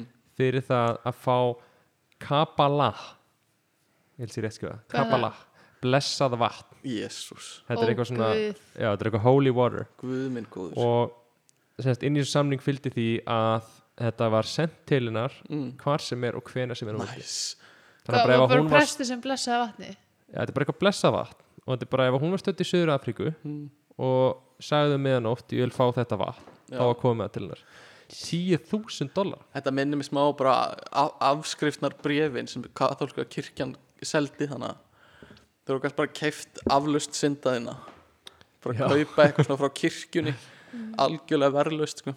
ok, og svo er hérna uh, Lady Gaga hún borgaði 50.000 dólar fyrir að vera með svona ghost detector system heimins mm. hvað er það? það er bara Að að greina skoða hvort það sé drauga til. þetta er bara eitthvað svona þetta er eitthvað Þetta er svona segulsviðsmælitæki eða IMF. eitthvað, sko. Ó, guð. Electromagnetic field Og þú veist- ég er samt trúið að drauga ekki einu svona smá ég trúið að drauga ég er bara ekki pínu mér langar að gera þátt um og ég ætla að gera þátt um þú veist, drauga, afturgöngur að- svona, svona hjátrú og eitthvað svona þú vilt alveg fá mig í þann þátt sko já, öruglega, ég geggja til ég sko. en ég trú ekki, ekki smá á það sko nei, ekki heldur sko það er draugun sem býr í kjallarum hjá mér já, nice. en 50% bandar ekki manna trú og drauga nei Jú. en mér veist það líka, ég hugsa, hugsa stundum að það að ég trú ekkit á þetta Mm. svona mér líður eins og ég sé líka að þessi mitt vott gagvart draug á hvað hátt bara svona ok, ef það er til, ef það er til draugar já, og ég er bara eitthvað, ég trú ekki á okkur Mm. það líður mér eins og ég sé svona augraði er það gott eða er það ekki bara slæm nei, að því ég hugsa bara svona, þú veist þetta er smá svona eins og að það stendur ykkur fram með byssu og þú ert ekki hrættur við það já, og þú ert bara eitthvað, "Heyrðu, þú, þú er ekki að drepa mig þú ert ekki að drepa mig Mm. já, Þú er svo ok eldgos. að þá svona líður eins og þú veist, Svo eld. þá er manneskjan í ykkur paniki já, skilurðu. já, Þú veist, hún, hún vill á sér trættu það ok, ég skil þig þannig að ég held svona, en ég trú ekki á drauga Nei. ég er bara svona eh, mér finnst sko það að trúa á drauga Mhm. svolítið eins og með að trúa yfir höfuð á svona í alvörun að sé til afterlife já og bara svona alls konar hlutir Mhm. þú veist þess að trúa yfir höfuð skilur mér stærlega gott fyrir fólk að trúa á eitthvað eða veitir þeim eitthvað hamingju já, en yfir höfuð að þú trúir því að það sé einhverjum manneskja sem situr yfir þér, já, þá finnst mér bara svona ef maður ætlar að trúa á vísindi þá Já. finnst mér maður ekki gett trúa á hitt líka mann finnst það smá þversagnakent sko Þú veist, þannig að ef, algjörlega sko en þú veist Ma- ma- sko, e- e- til, þér til varnar Júlía þá eru rosalega margir og bara rosalega margir bara góð prósent af þessum 50% bandaríkjamanna sem trúa ég er samt trúi í alveg en ekki drauga ok, gott að eða vita þú veist, ég Ég trúi fíla svona það.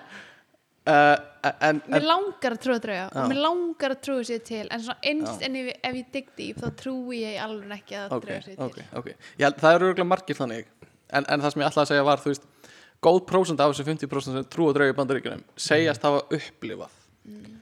orðið fyrir upplifun en e, þetta er samt svolítið svona þú veist, ef þú ætlar að trúa á eðlisfæði ef já, þú ætlar að trúa á að þetta sé að allt eigi sér Mhm, einhverja starffræðilega þú veist, einhverja eitthvað sem er rökrétt niðurstað á öllu Já. þá getur ekki alveg trúa á hitt næ, þú veist, ef þú ætlar að vera eitthvað í vísindaheiminum og vera eitthvað er þú verður nú að sanna að tímaflækjan á þessu sé svona mhm, eins og En við þú veist þekkjum það er fullt af fólki sem er mjög vel menta og trúar á Guði Ég veit Já. það, en mér finnst það bara svona persónlega að þú veist, ef ég ætla að segja að það geti einhver manneskja verið í herbyggjum mínu og það hefði enga vísindarlega skýring á sér þá líður mér eins og ég sé að segja að fullt af hlutum geti gerst án þess að það sé hægt að já færa rauk fyrir því Já. vísindarlega en margir náttúrulega reyna að færa rauk fyrir því vísindalega en þú veist það er ekki mikið af vísindalegum pappirum sem hafa verið byrtir um þetta sem er svona ákveðin Mm. Já, já. vísbendingum að ég veit það ekki En svo er kannski á endanum mun kannski vera vísindarleg sönnun fyrir því að draugar verður til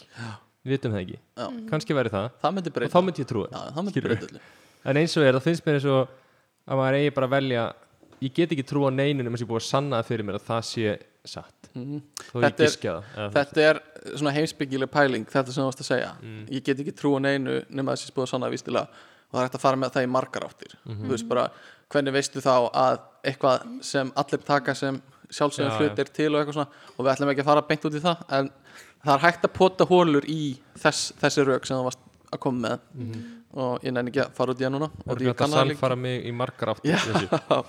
um, uh, Vartu með eitthvað meira? Uh, Já, Já. hérna þú getur borgað fyrir það sem heitir cloud seeding ok, sem er sem sagt að, til dæmis, þetta er mjög vinsælt að þú ert að gifta þig mm, og þú getur borgað einmitt 100.000 bandarækjadólara mm. fyrir það að það rigni ekki yfir venjúið þitt. Æði Sko, ég skal samt segja ykkur svolítið Secret Solstice Það er búið að sk- pl- hana, það er búið að hana, sporregningu svo kom bara að gefa þetta gott við mm -hmm. það var cloud seeding í því, bara, Heldur það? bara alvörunni í eða- alvörunni sko. er, er, er, þetta er fact Ok, þetta er fakt fyrsta Secret Solstice, eða nummer tvö okay. Það er Ok. svolítið magnað Þetta er svipað að Akki var að tala um í, í sísta þætti að geta stjórna veðrinu sem Já. markmið hjá mannkinu En já, sérst, pælingin er svo að það er sprauta einhverjum silfur eindum. mm. Nú er ég að þýða þetta beint úr ennsku Ok. og ég hef ekki lesið neitt sem að staðfestir þessa Ok. tækni. Ok, En það stóð bara að þú sprautar silfur eindum næs í hérna skíin Já. og þá rigna þau ekki, eða þú veist, þá rignir ekki úr þeim. Ok, það er svolítið magnað En ég lagði ekki í researchi á Nei, hvort nei, þetta nei, nei. mikið sens eða Ok. hvað þetta er. en En er allavega þetta ekki, þetta er- samt, er þetta ekki alveg 100% til að Veist, þetta er sem ég sá, þú getur borgað fyrir þetta að fá cloud seeding sem að þá spreyjar einhverjum bara silfureindum inn í rigningaskí þá mun ekki rigna yfir venjuði Það er helviti cool og síðasta Já, að þú getur keift gullpillur mhm, sem að gera það verkum að kúkurinn verður gullitaður legendary Gekja okkur myndum að vilja það ef þú ert, þú veist, ef það er eitthvað sem að myndi vilja það, þá er það svona hérna DJ Khaled, þú sé hann það Hef ég séð þannig, já Ég er hef svona líka gæði heyrt í sem um- myndi vilja kúka gulli myndum við vilja kúka gulli Nei, þetta er bara eins og líka að þú borðar hölki sem græna Já. og kúkaðar og grænu ha, Ah, ég bara hölki sem kúka ekki græni borðar á hölki sína, borða í hölki, sjá það var alltaf bannaður Það er bannaði núna um, hvað, okkur Mér að- Því hún bara- kúkaði grænu. Því hún kúkaði grænu Mér dætt í hug að, að hérna, hvað finnst ykkur um að þú átt það mikið penning og getur gert alls konar svona pranks og ég sendi ykkur nú þetta á hann að þú getur til dæmis leikt 100 mann sem eru allir yfir 1 og 10 eða eitthvað svona láta það að lappa um í smáralindinni og þá halda allir að það hafi minkað þegar þau sjá að það er bara stórt fólk í kringu sig ég myndi gera eitthvað svolítið bara eitthvað svona Já, fucked, eitthvað svona fáralegt Já, Haldið þess í alveg að fólk myndi vera bara eitthvað Nei, en Eins og ég held að tölvuna á væri ég held að fólk myndi bara sam... mér leið smáðan í Hollandi sko. Já, það var, þegar maður mætti á tjammi og bara fólk sem var vel stærri en gummi var þar og það er Þú veist, mikið sagt Ég bara einhvern veginn, þegar ég var að upplifa stanslist í Hollandi Ég bara eitthvað, Hvað ertu stórkumi? sko ég, ne, Það er nefnilega eitt sýttur bara það mm. Af því að ég er samkvæmt vegabrjónu 1.94 Já, við tölum um þetta síðan þetta einmitt. Og svo mældi ég mig við bróður Júlíu Týpurbróður hennar Mm. a, Og Júlía og sýstir Júlíu Mm. voru saman um það að ég væri stærri en Haldur Sælir En hann er á vegabrjónu sínu 1.96 Ó Það Einhver að er svindla eitthvað lígi hjá honum sko Einhver að Þannig svindla að ég þarf að sko Ég get að þarf fara í gefa þér mælingu. einn sentimetra ón á þetta Ég get að gefa þér einn auka sentimetra Nei, ég þ- ætla bara að fá yfir hann Ég ætla bara að fá vegabrif og Ok. rammað inn okay. Þú ætlar að fíla. vera 167 167 Þú ætlar að 97 helminga þig Já. um, Júlía, varst þú með eitthvað eitthva, einhverja pælingar? með ríkasta fólki í heimi Já, eitthvað Sko, skemmtilegt ég, ríkt fólk ég aðtöðaði, það sem ég aðtöðaði var hver er ríkasta kona í heimi hmm. og það er hún eh, Francosis Bette Kort Ég er sem ekki að stúta Nei. námið Eina að lesa svolítið vel Francosis Bettekort Francosis Bette Kort Meyet Og hún kom með hérna freska góðstrykkin á markaði, er það ekki? Hún sett stofnaði fyrirtæki Freska, Jó Fresco til þetta fidget Veistu hvað hún gerði?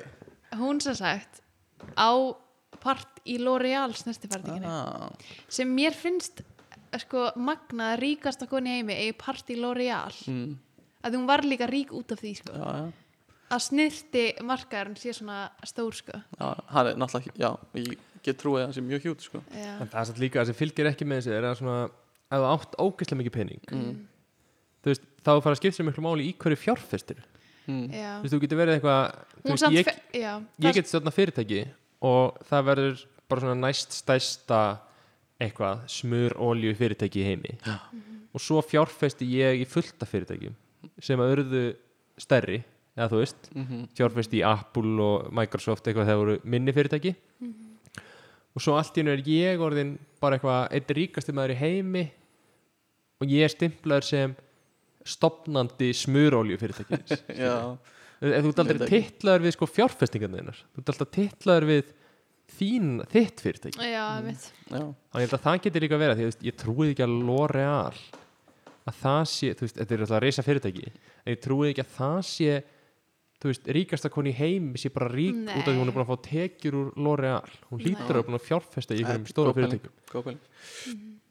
En svo eru uh, fleiri hjúts nöfn í penningabransanum já, er ekki Bill Gates efstýra Já, er hann ekki ríkast nema heims eh, Ég held að Musk- Elon Musk er sé mörg eftir núna kom frá hann En það er Þeirra. náttúrulega bara út í það að búið að blása svolítið vel undir seglina og Tesla akkur núna. Já. já. Spurning hvort það endist eitthvað. Uh, er ekki Elon Musk eitthvað annað crazy gæða ég held að sé svolítið krisi. Ég myndi ekki vilja vinna undir honum sko. Ég myndi ekki vilja vera vinkona Nei. Elon Musk Nei.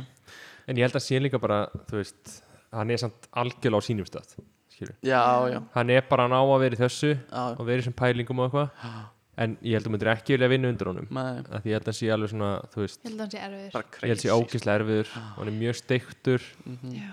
en þú veist, augljóslega er hann klár augljóslega það sem að hugmyndirna sem hann hefur það sem er flott við það líka er að hann hefur hugmyndir um þú veist, það sem hann segir er að hann vill sem sagt, hann vill stóðna fyrirtæki sem Mhm. leysa vandamál sem hún veist er mikilvæg fyrir bara Mannkynið. mannkynið Já. þú veist, það er flott skilurðu. þú veist, hann er, Mhm.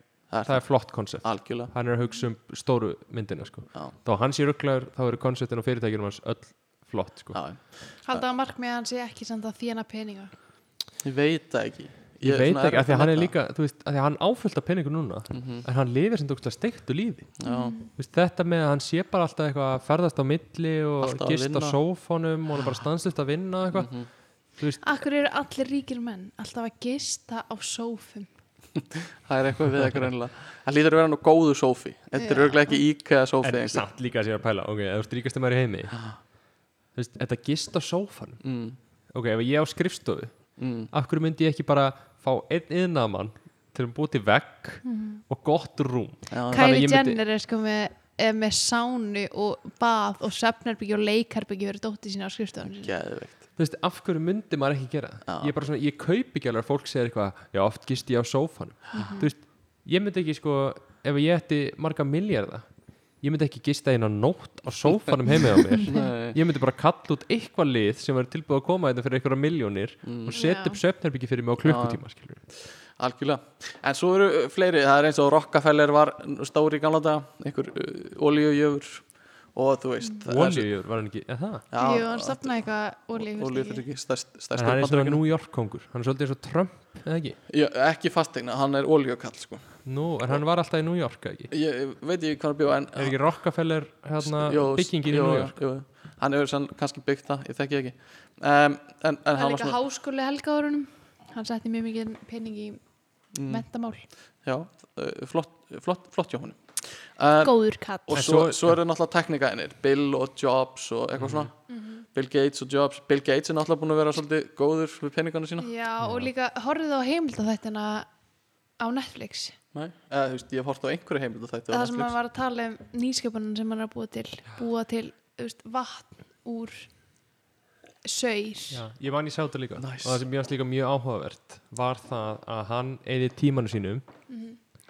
til dæmis eins og bara eitthvað hann las fjárlögin í Mississippi eða eitthvað svona Já, og maður eitthvað svona, maður svo vá. fattar ekki hvað það fólk í alverðin er ógæðslega gáð Úff, sko. og þú veist, eins og með bólöfnið skilur, Bill Mhm. Mm, hann var Gates bara að hefði geta, spá í sig hann hefði geta kúplað sig alveg frá þessu en í staðin fyrir hann í að þú veist Mhm.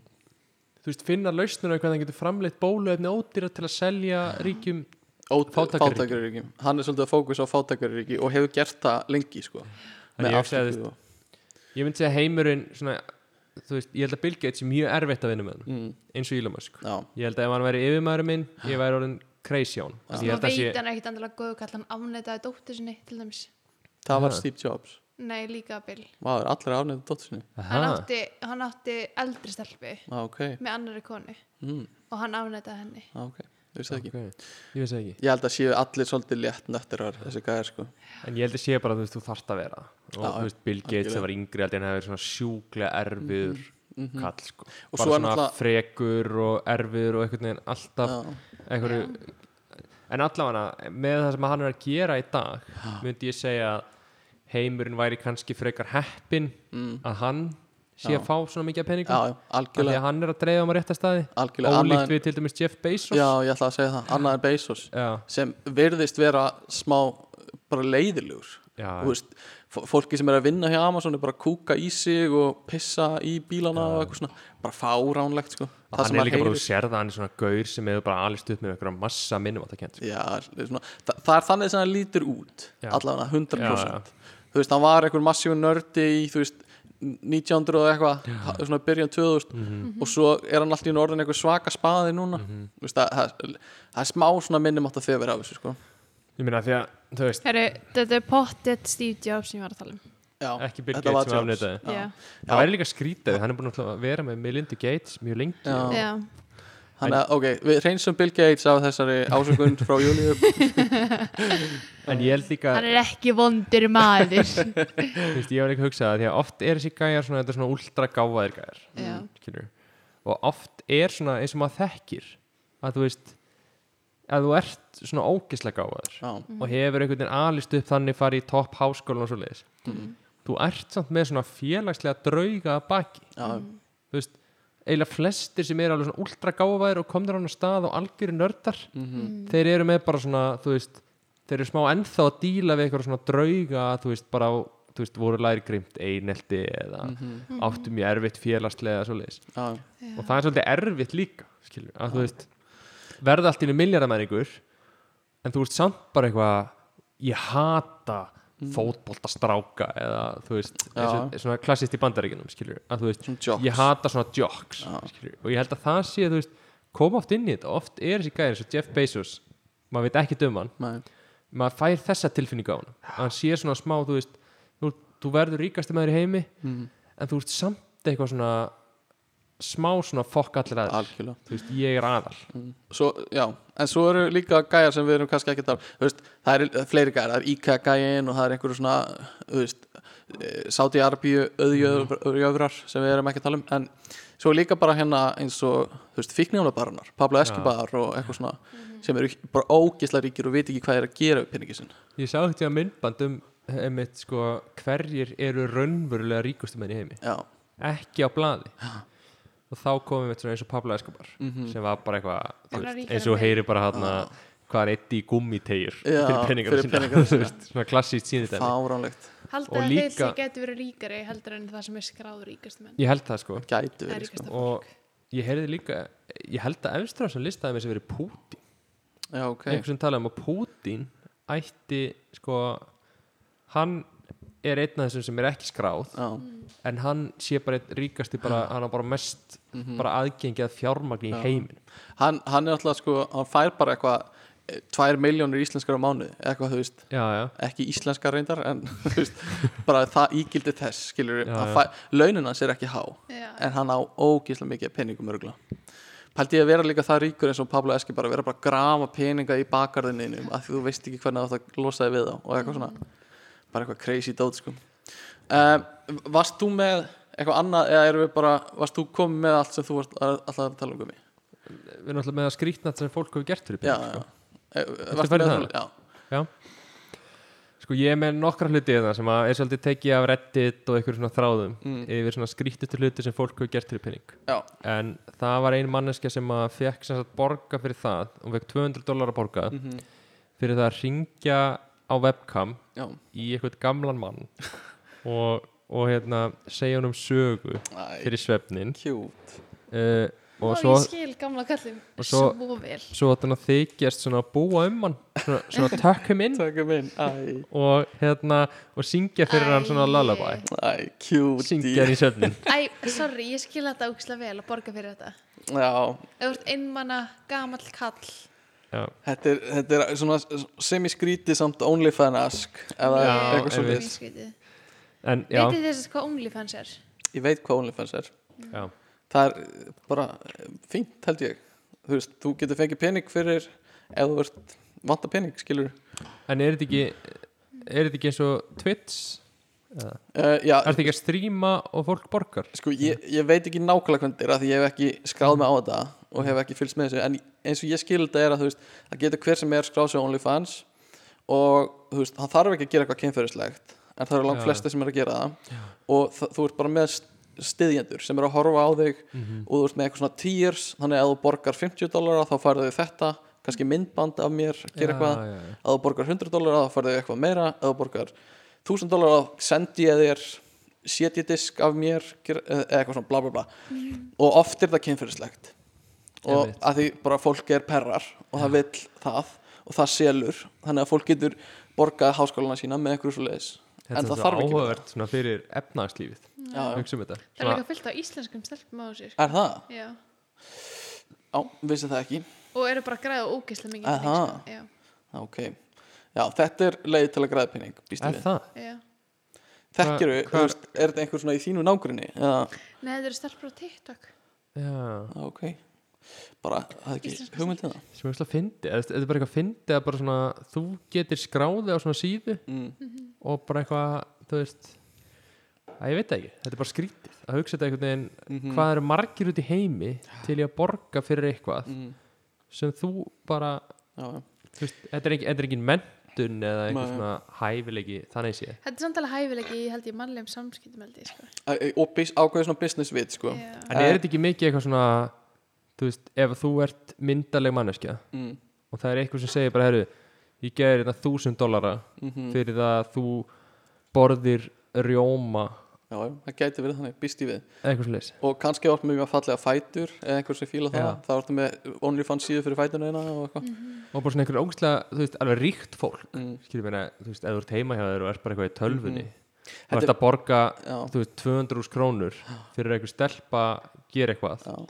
sem getur verið ógstlega förðulegt bara síni lappirna sínar Mhm. Já. eða eitthvað Þetta- Þetta er svolítið eins og Twitch eða það sem heitir Patreon, svona streaming bara án þess að það sé filterað með einhverju svona kynferðisfilter skilur, Mhm. af því það er allt bara þú mátt ekki sína neitt á þeim plattformum já, en þarna ertu bara opið fyrir allt þannig að þú vilt gera eitthvað meira en svo, svo veit ég ekki, þú veist, hvernig þetta verður í framtíðinni, hvort fólk á eftir að sjá eftir þessu eða hvort það er eitthvað svona aftermath á því já, já, þannig að það er svolítið líka bara snemt að segja það já, já. en, en eins og er tala margir mjög vel um þetta Mhm. þú veist, þetta er bara leið til að græða penning Þetta er líka, á- ég held að þetta sé mjög sko safe umhverfi. já, ég býst við því Þú veist, þetta er svona streaming, þú En- veist bara heima hjá þér. það er fáralegt hvað fólk er til í að eyða miklu penning á netinu já. bara á Twitch er fólk oft bara bara dónita þúsund dólarum á uppáhald streameru sinn Oh my god. bara fyrir að raka af sér hárið eða eitthvað Þú veist, fólk er í En einhverjum líka svona ef þú fáanlegum ert, pælingum sk- skilur, uh, þetta er sama það er mikið af fólki sem eru miljardamæningar Mhm. og þú ert kannski bara, þú ert miljardamæningur og ert samt bara einn heima hefur Já, skilur. þú ert samt ekki með félagshefni eða þekkir fullt af fólki eða eitthvað, þú grættir bara fullt af pening mhm. og þá svona, þú veist og ég held að oft sé þetta ekkit skilur, þetta er ekkit eins og þetta sé eitthvað svona slæm þú veist, eitthvað endur að slæmt fólk eða hvernig það segir, sko, þetta Nei, Mhm. er bara smá kannski svolítið einmanna fólk líklega en þú veist samt áttúrulega áhugavert mhm, að bara svona, þú veist, þú ert tilbúin að borga ógislega mikið pening Já. sem að fyrir þér er eitthvað klink en fyrir einhver aðra manneski er það bara life changing Já. fyrir að hún gera eitthvað og þú veist, Mhm. auðvitað er þetta náttúrulega þetta er skrítið skilur. Já, þetta er, Það er það, Eh, þetta er ekki venjuleg vinna Nei, meni, þú veist að þú veist náttúrulega auðvitað að selja líkamæðin að mörguleiti Já. líklega í flestum tilfellum en á sama tíma og samt svona Þetta er mjög erfitt málumni, sko, Mhm. og þú veist, eitthvað sem við held ég skiljum ekki. Nei, a- algjörlega ég skildi ekki sko. En varstu með meira ef við svona keirum hrætti gegn já, hann? herri, um, það var einn gæði sem snortaði wasabi fyrir 2 dollara Næs, það er ekki mikill peningur en Varst það góðu. þú, eða? ég reyndar hérna borðaði einu sinni mjög margar hérna bolludagsbollur fyrir svona 150 krónur uh, sem þú borgaðir fyrir að fá að borða nei, þú veist ég fekk að gefins og Já. ég borðaði þær og fekk eitthvað Ég reyndar lítið borðaði einu svona heila túpa af wasabi fyrir að sjá vin minn labba nakin niður laugavegin það var aldrei gert en þessi ákveðni minn minn hefur ekki gert það ennþá þannig að skulda mér það ennþá En Eh. þetta var, ég, ég, ég nefnilega gerði þetta og ég borðaði eitthvað bollur Já. Svo kom ég heim og sagði mömmu frá þessu og mamma eitthvað Nei, þú átt ekki að vera þú átt ekki að vera að gera eitthvað svona fyrir pening Já. eitthvað svona, Það það er mjög fyndið það var ekki vinsælt en það er allavega ekki mjög mömmu vænt getur við sagt nei, Ég skil hana vel já, þetta var skrítið sko mm. en sem sagt, svo var eitt sem fekk borga 100 dollara fyrir að læra inni hjá strák sem hann tekti ekki neitt já, hann eða hún, ég veit ekki hvort það var strákur eða stelpa bara, mm, en basically bara fekk borgað 100 dollara fyrir að læra í kringum aðra mannesku Mm. af því að hinn manneskjan held að þú veist, eða verið önnur manneska hjá henni sem var að læra Já. að þá myndi hún frekar læra það er mjög snuð það, er- það er hægt að fara á netið á svona Zoom-fund sem er opinn Zoom-fundur þar sem Þú fullt ert á af fólki TikTok-steppi að læra ég sá þetta Fullt sem þú ert búin að segja í kvöld er það? Er ég búin að vera að sjá á TikTok? er það? Já Ég er ekki á TikTok uh, Ég skoða stundum svona reels á Instagram Mm, já. og ég horf mikið á YouTube þannig að það er sennilega eitthvað svona overlay á YouTube sem ég horf á þetta er eins og Júlia stundum þegar þú ert að læra þú hefur hort á mannesku vera að læra Mhm. Pomodoro aðferðin já, Það er áhugaverst já tómataaferðin Það er nema sko það er geð- manneskja sem það hjálpar situr mér og er að ógeðslega læra Mm. og þú ert að læra á meðan Svo tökum við pásur á sama tíma Það er skemmtilegt ok, önnur manneskja sleikti gólfið í strætó fyrir 20 dollara Á, vel gert, þú fíla það Næs það er skrítið Já, Svo var hérna annar sem, sagt, sem var lagðist í rúmið hjá bróður sínum Mm. á hverju kvöldi Mm. bara til þess að hita sængina fyrir Nice. bróður sinn áður en hann fór að sofa og fyrir hvert kvöld fekk hann 5 cent næs Ah, Mér finnst það en næs kósí. að komast í svona sem í kalda sæng og Í kalda rúm. alvörinni, ég sko gummi fer alltaf fyrst í minn part mm, og svo færir hann sig svo ég Cute. fá heitt Já, Júlia vill mikið að ég færi mig til að fá að hita sængina Svo var eitthvað sem að stál blómum úr kirkjugörðum til þess að selja Ó, það er alveg Mm. Það er ekki hræðileg gott. tíma Það er ekki gott Það er ekki gott Ok, og hérna er eitt viðbjöður sko mm. Það var einhver sem setti notaðan smokk sem hann fann fyrir utan svona íþróttahúsið Mm. í skólanum sínum á götunni fann hann notaðan smokk fyrir utan íþróttahúsið sitt og hann sett hann upp í sig fyrir 100 dollara Æ, Það veit ekkert hvað Ói, þetta er það ógislegasta sko. myndur þú getur að 50 skall Nei, nei, nei, Oh. nei notaðan smokk uppi Æ, Ói, barasta. Þú veist sko ekkert hvað hann skildir Þetta er viðbjör Takk fyrir þetta ok, og síðast að borða límstifti fyrir 78 cent Ok, 70% þetta er þá ekki einu ertu, eitt bara, dollari þá ertu bara að gera þetta frýtt bara fyrir þig sko. það er ekki peningur sem þú ert að gera þetta fyrir sko. Tengið þið við það að þeir borðið sem lím í grunnskóla aldrei ekki ég eins og smakkaði það sko smá- Nei, ekki neitt, Í alvörinni bara aldrei Mér, finnst- ég, já, en, En, en hefur heyrst þetta aður? já, já það var félagi í bekknum mínum sem var að gera alls konar svona hluti borðaði alltaf kertin í barnamalum og hann var líka alltaf með skrúblíðandi sinna pota í puttan á sér svona hjá nöglinni og svona nagla beðin þangt alveg blætti og svo kristan út blóðið Vá, þetta er eitthvað sækfati hvað er þessi manneski í dag? Ég veit Þetta ekki. bjöggi Nei, þetta er ekki byggi þetta bjöggi en já þú veist, Einnig strákun sem ég þekki sem hefur með stefnað í grunnskóla En pældi ég fyrir sjö, vel, mér svo fyndi þessu upp Þú ert ekki- 78 cent, Þú ert ekki að gera, sko í fyrsta lagi 78 Hvaðan kemur þessu 8? ég veit það ekki Það verður bara einhver átt, Já, akkurat 78 cent já, sannlega. og bara, En- þú geðir þetta allt Þá ertu ekki að gera þetta fyrir peningin Þá ertu að gera þetta fyrir sjálfa þig sko Eða fyrir söguna borða heilt límstitt Já. Verður ekki eitthvað Hæja, nei það er þú sniffa Nei, ö- öll, öll svona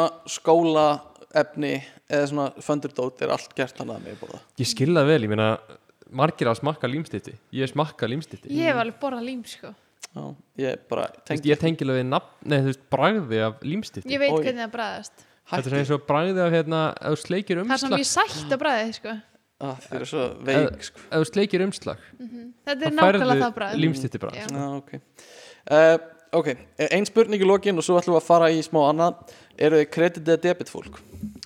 Ég er alltaf debit Gummi?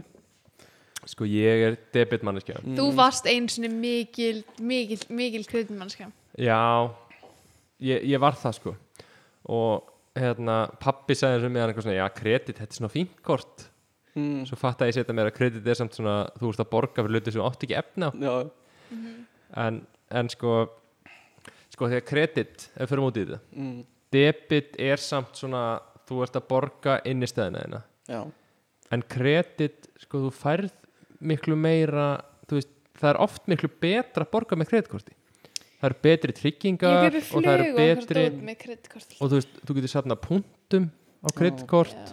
og alls konar svona hlutir Ah, okay. þannig að debit er, er svolítið bara eins og millifærsla Mm. en kredit er samt svona þú veist, ef maður væri miljónamæringur mm. Já.